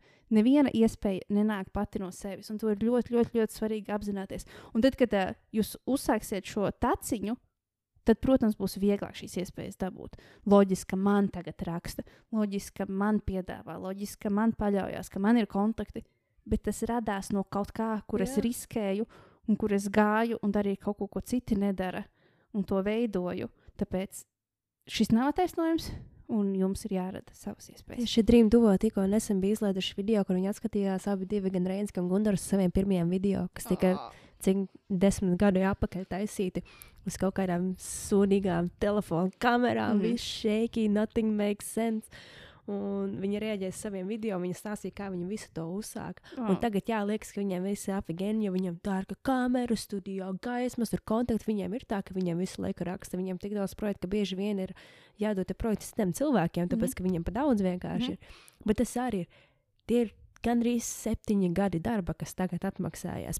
Kādreiz viņš meklēja, viņš reāli pat pa brīvu strādāja. Un, Viņš joprojām atbalsta cilvēkus. Jā. Un, nu, jā. jā, un ir cilvēki, kas to nenovērtē īstenībā, bet It is what it is. Bet jā, ka tas arī tas ir vienkārši tas, ka viņš tik daudz gadus tajā ieguldījis pats savu laiku, un enerģiju un līdzekļus, lai nonāktu līdz tam, ka tagad viņam kompānijas sūta Mm. studijas gaismas, viņam kompānijas sūta visus filtrus un visu, kas viņam vajadzīgs, un prasa, lai viņš taisa to un šito. Tas yep. aizņēma daudz gadus, tas nenotiek overnight. Man liekas, mūsdienās ar jaunatni viņi pārāk ātri grib tos augļus. Viņi nesaprot, ka bieži vien, ja tu kaut ko jaunu uzsauc, to augļus dabūs tikai pēc pieciem, septiņiem, desmit gadiem. Mm -hmm. Citreiz pat vēl vēlāk. Tieši tā. Man liekas, ka tas, ko Vienkārši cilvēki pārāk, da- pārāk ātri padodas. Vai arī pārāk ātri grib tos augļus, un tad pārāk spiež uz to, un beigās neko nedabūna. Jā, man liekas, ka arī mani augļi nāks tikai pēc pieciem gadiem. Man ir tāda sajūta, ka, uh, nu, ceru, protams, kā ātrāk, bet uh, es, es domāju, ka nāks lieli sasniegumi. Vēl Manai vēl. arī, man liekas, man vēl viss priekšā. Man liekas, Mm. es vēl pat sāku, un nesu iet uz to ī- īstajiem tiem sasniegumiem. Lai gan tas, ko es jau daru, es to daru jau 18 gadus. Jep. vai ne? Man tik un tā liekas, es vēl aizvien tikai mācos, un es vēl aizvien esmu tikai ceļa sākumā. Bet tā, man liekas, ka tā vienmēr būs. Jo mm. -hmm. es tā līdzīgi jutos 20 gadu vecumā, un tagad man ir 35. Un man liekas, tā, o, vēl daudz ko var iemācīties. O, vēl kaut ko varētu izdarīt. Mm, man liekas, ka es neesmu pietiekami labi šajā, varētu pamācīt. O, varētu patrenēties. Un uh, tas ir tāds mūžīgais attīstības ceļš, kurš, domāju, nekad nebeigsies. Jā. Tas ir interesanti. Tāpēc ejiet, uh, darat. Un uh, ko es vēl gribēju? teikt? Mūža dzīvo, mūža mācās. uh, jā, tas arī noteikti. Un es ļoti ceru, ka mēs iesim šos nezināmos ceļus un uh, beidzot līdīsim ārā no tās mazās Latvijas. Celsim augstāk līmeni, nevis Mums rokas. jau nav jālien ārā, mums tikai jāpaspīd, lai pārējā pasaule ieskatās mūsos iekšā. Lai pasaule nāk uz šejienes. Lai te būtu interesanti, te būtu ko redzēt. Mums tā jau mums ir tik skaista daba, arhitektūra, Mm. tas jūgenstila, viss man normāli patīk. Vecrīgā Mm. tīpaši, ka tagad ir daudz jāks atjaunots pa pēdējiem gadiem. Un mums tik skaista pilsēta, tik mm. skaista valsts. Mhm. Okay, tad mēs iz- izrunājām to, mēs izrunājām to. Uh, es pastāstīju par to, ko es domāju. Pats es uh, tur redzēju, ka es ieliku Instagram nu, pirms 11 gadiem, kā es izskatījos un ko es darīju. Jā, Es, es tieši domāju, ka man jau uztais tāpat video. neizskatās kā Jau uztais video, ka es reaģēju, jo ir ļoti daudz materiāls internetā. Un domājiet, ko jūs liekat internetā, tas viss paliek. Ir ļoti, ļoti daudz šāda tipa materiāls, kas bija ļoti aktīvi tajos gados. Un es biju tik daudz televīzijas šovos, jūs pat nevarat iedomāties. Jums nav ne jausmas, cik daudz es biju un cik daudz presē es Es biju. gribētu redzēt, vēl, kur tu esi piedalījusies. Kas tas par šovu bija, kur tu biji tajā vakarklītā? Pelnšķītas, tā kā Latvijas Pelnrašķītes? Kas?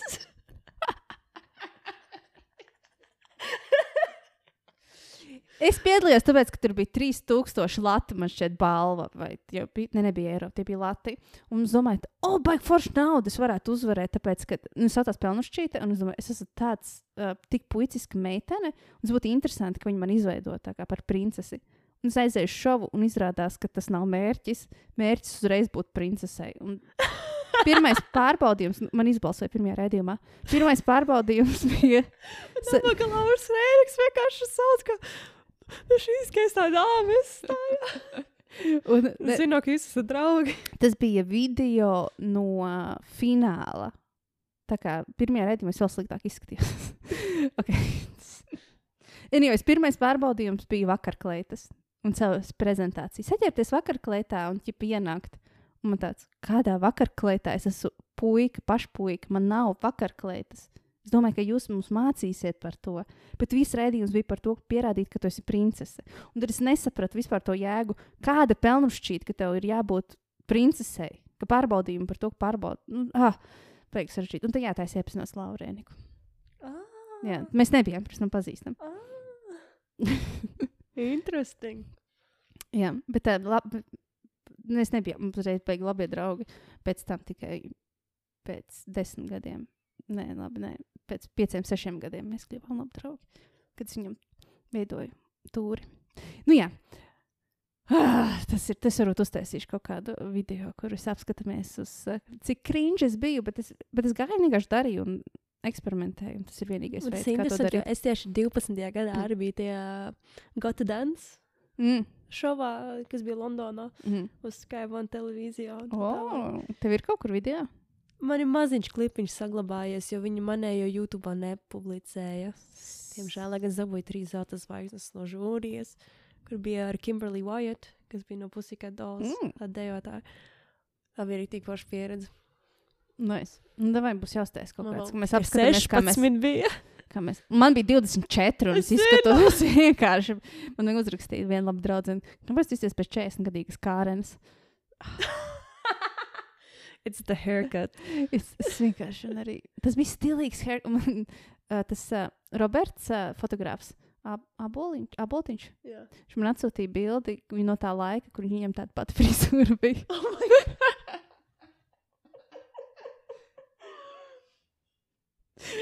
Es gribu redzēt to bildi. Sorry. Roberts. Es to redzēšu arī. Blackmail information. Nu, šo neizties slikti. Pašvatkam. okay. Mēs uh, beidzam. Visu paldies par uzmanību. Paldies, Annika, ka atnāci. Paldies. Paldies par uzaicinājumu. Čau! Čau.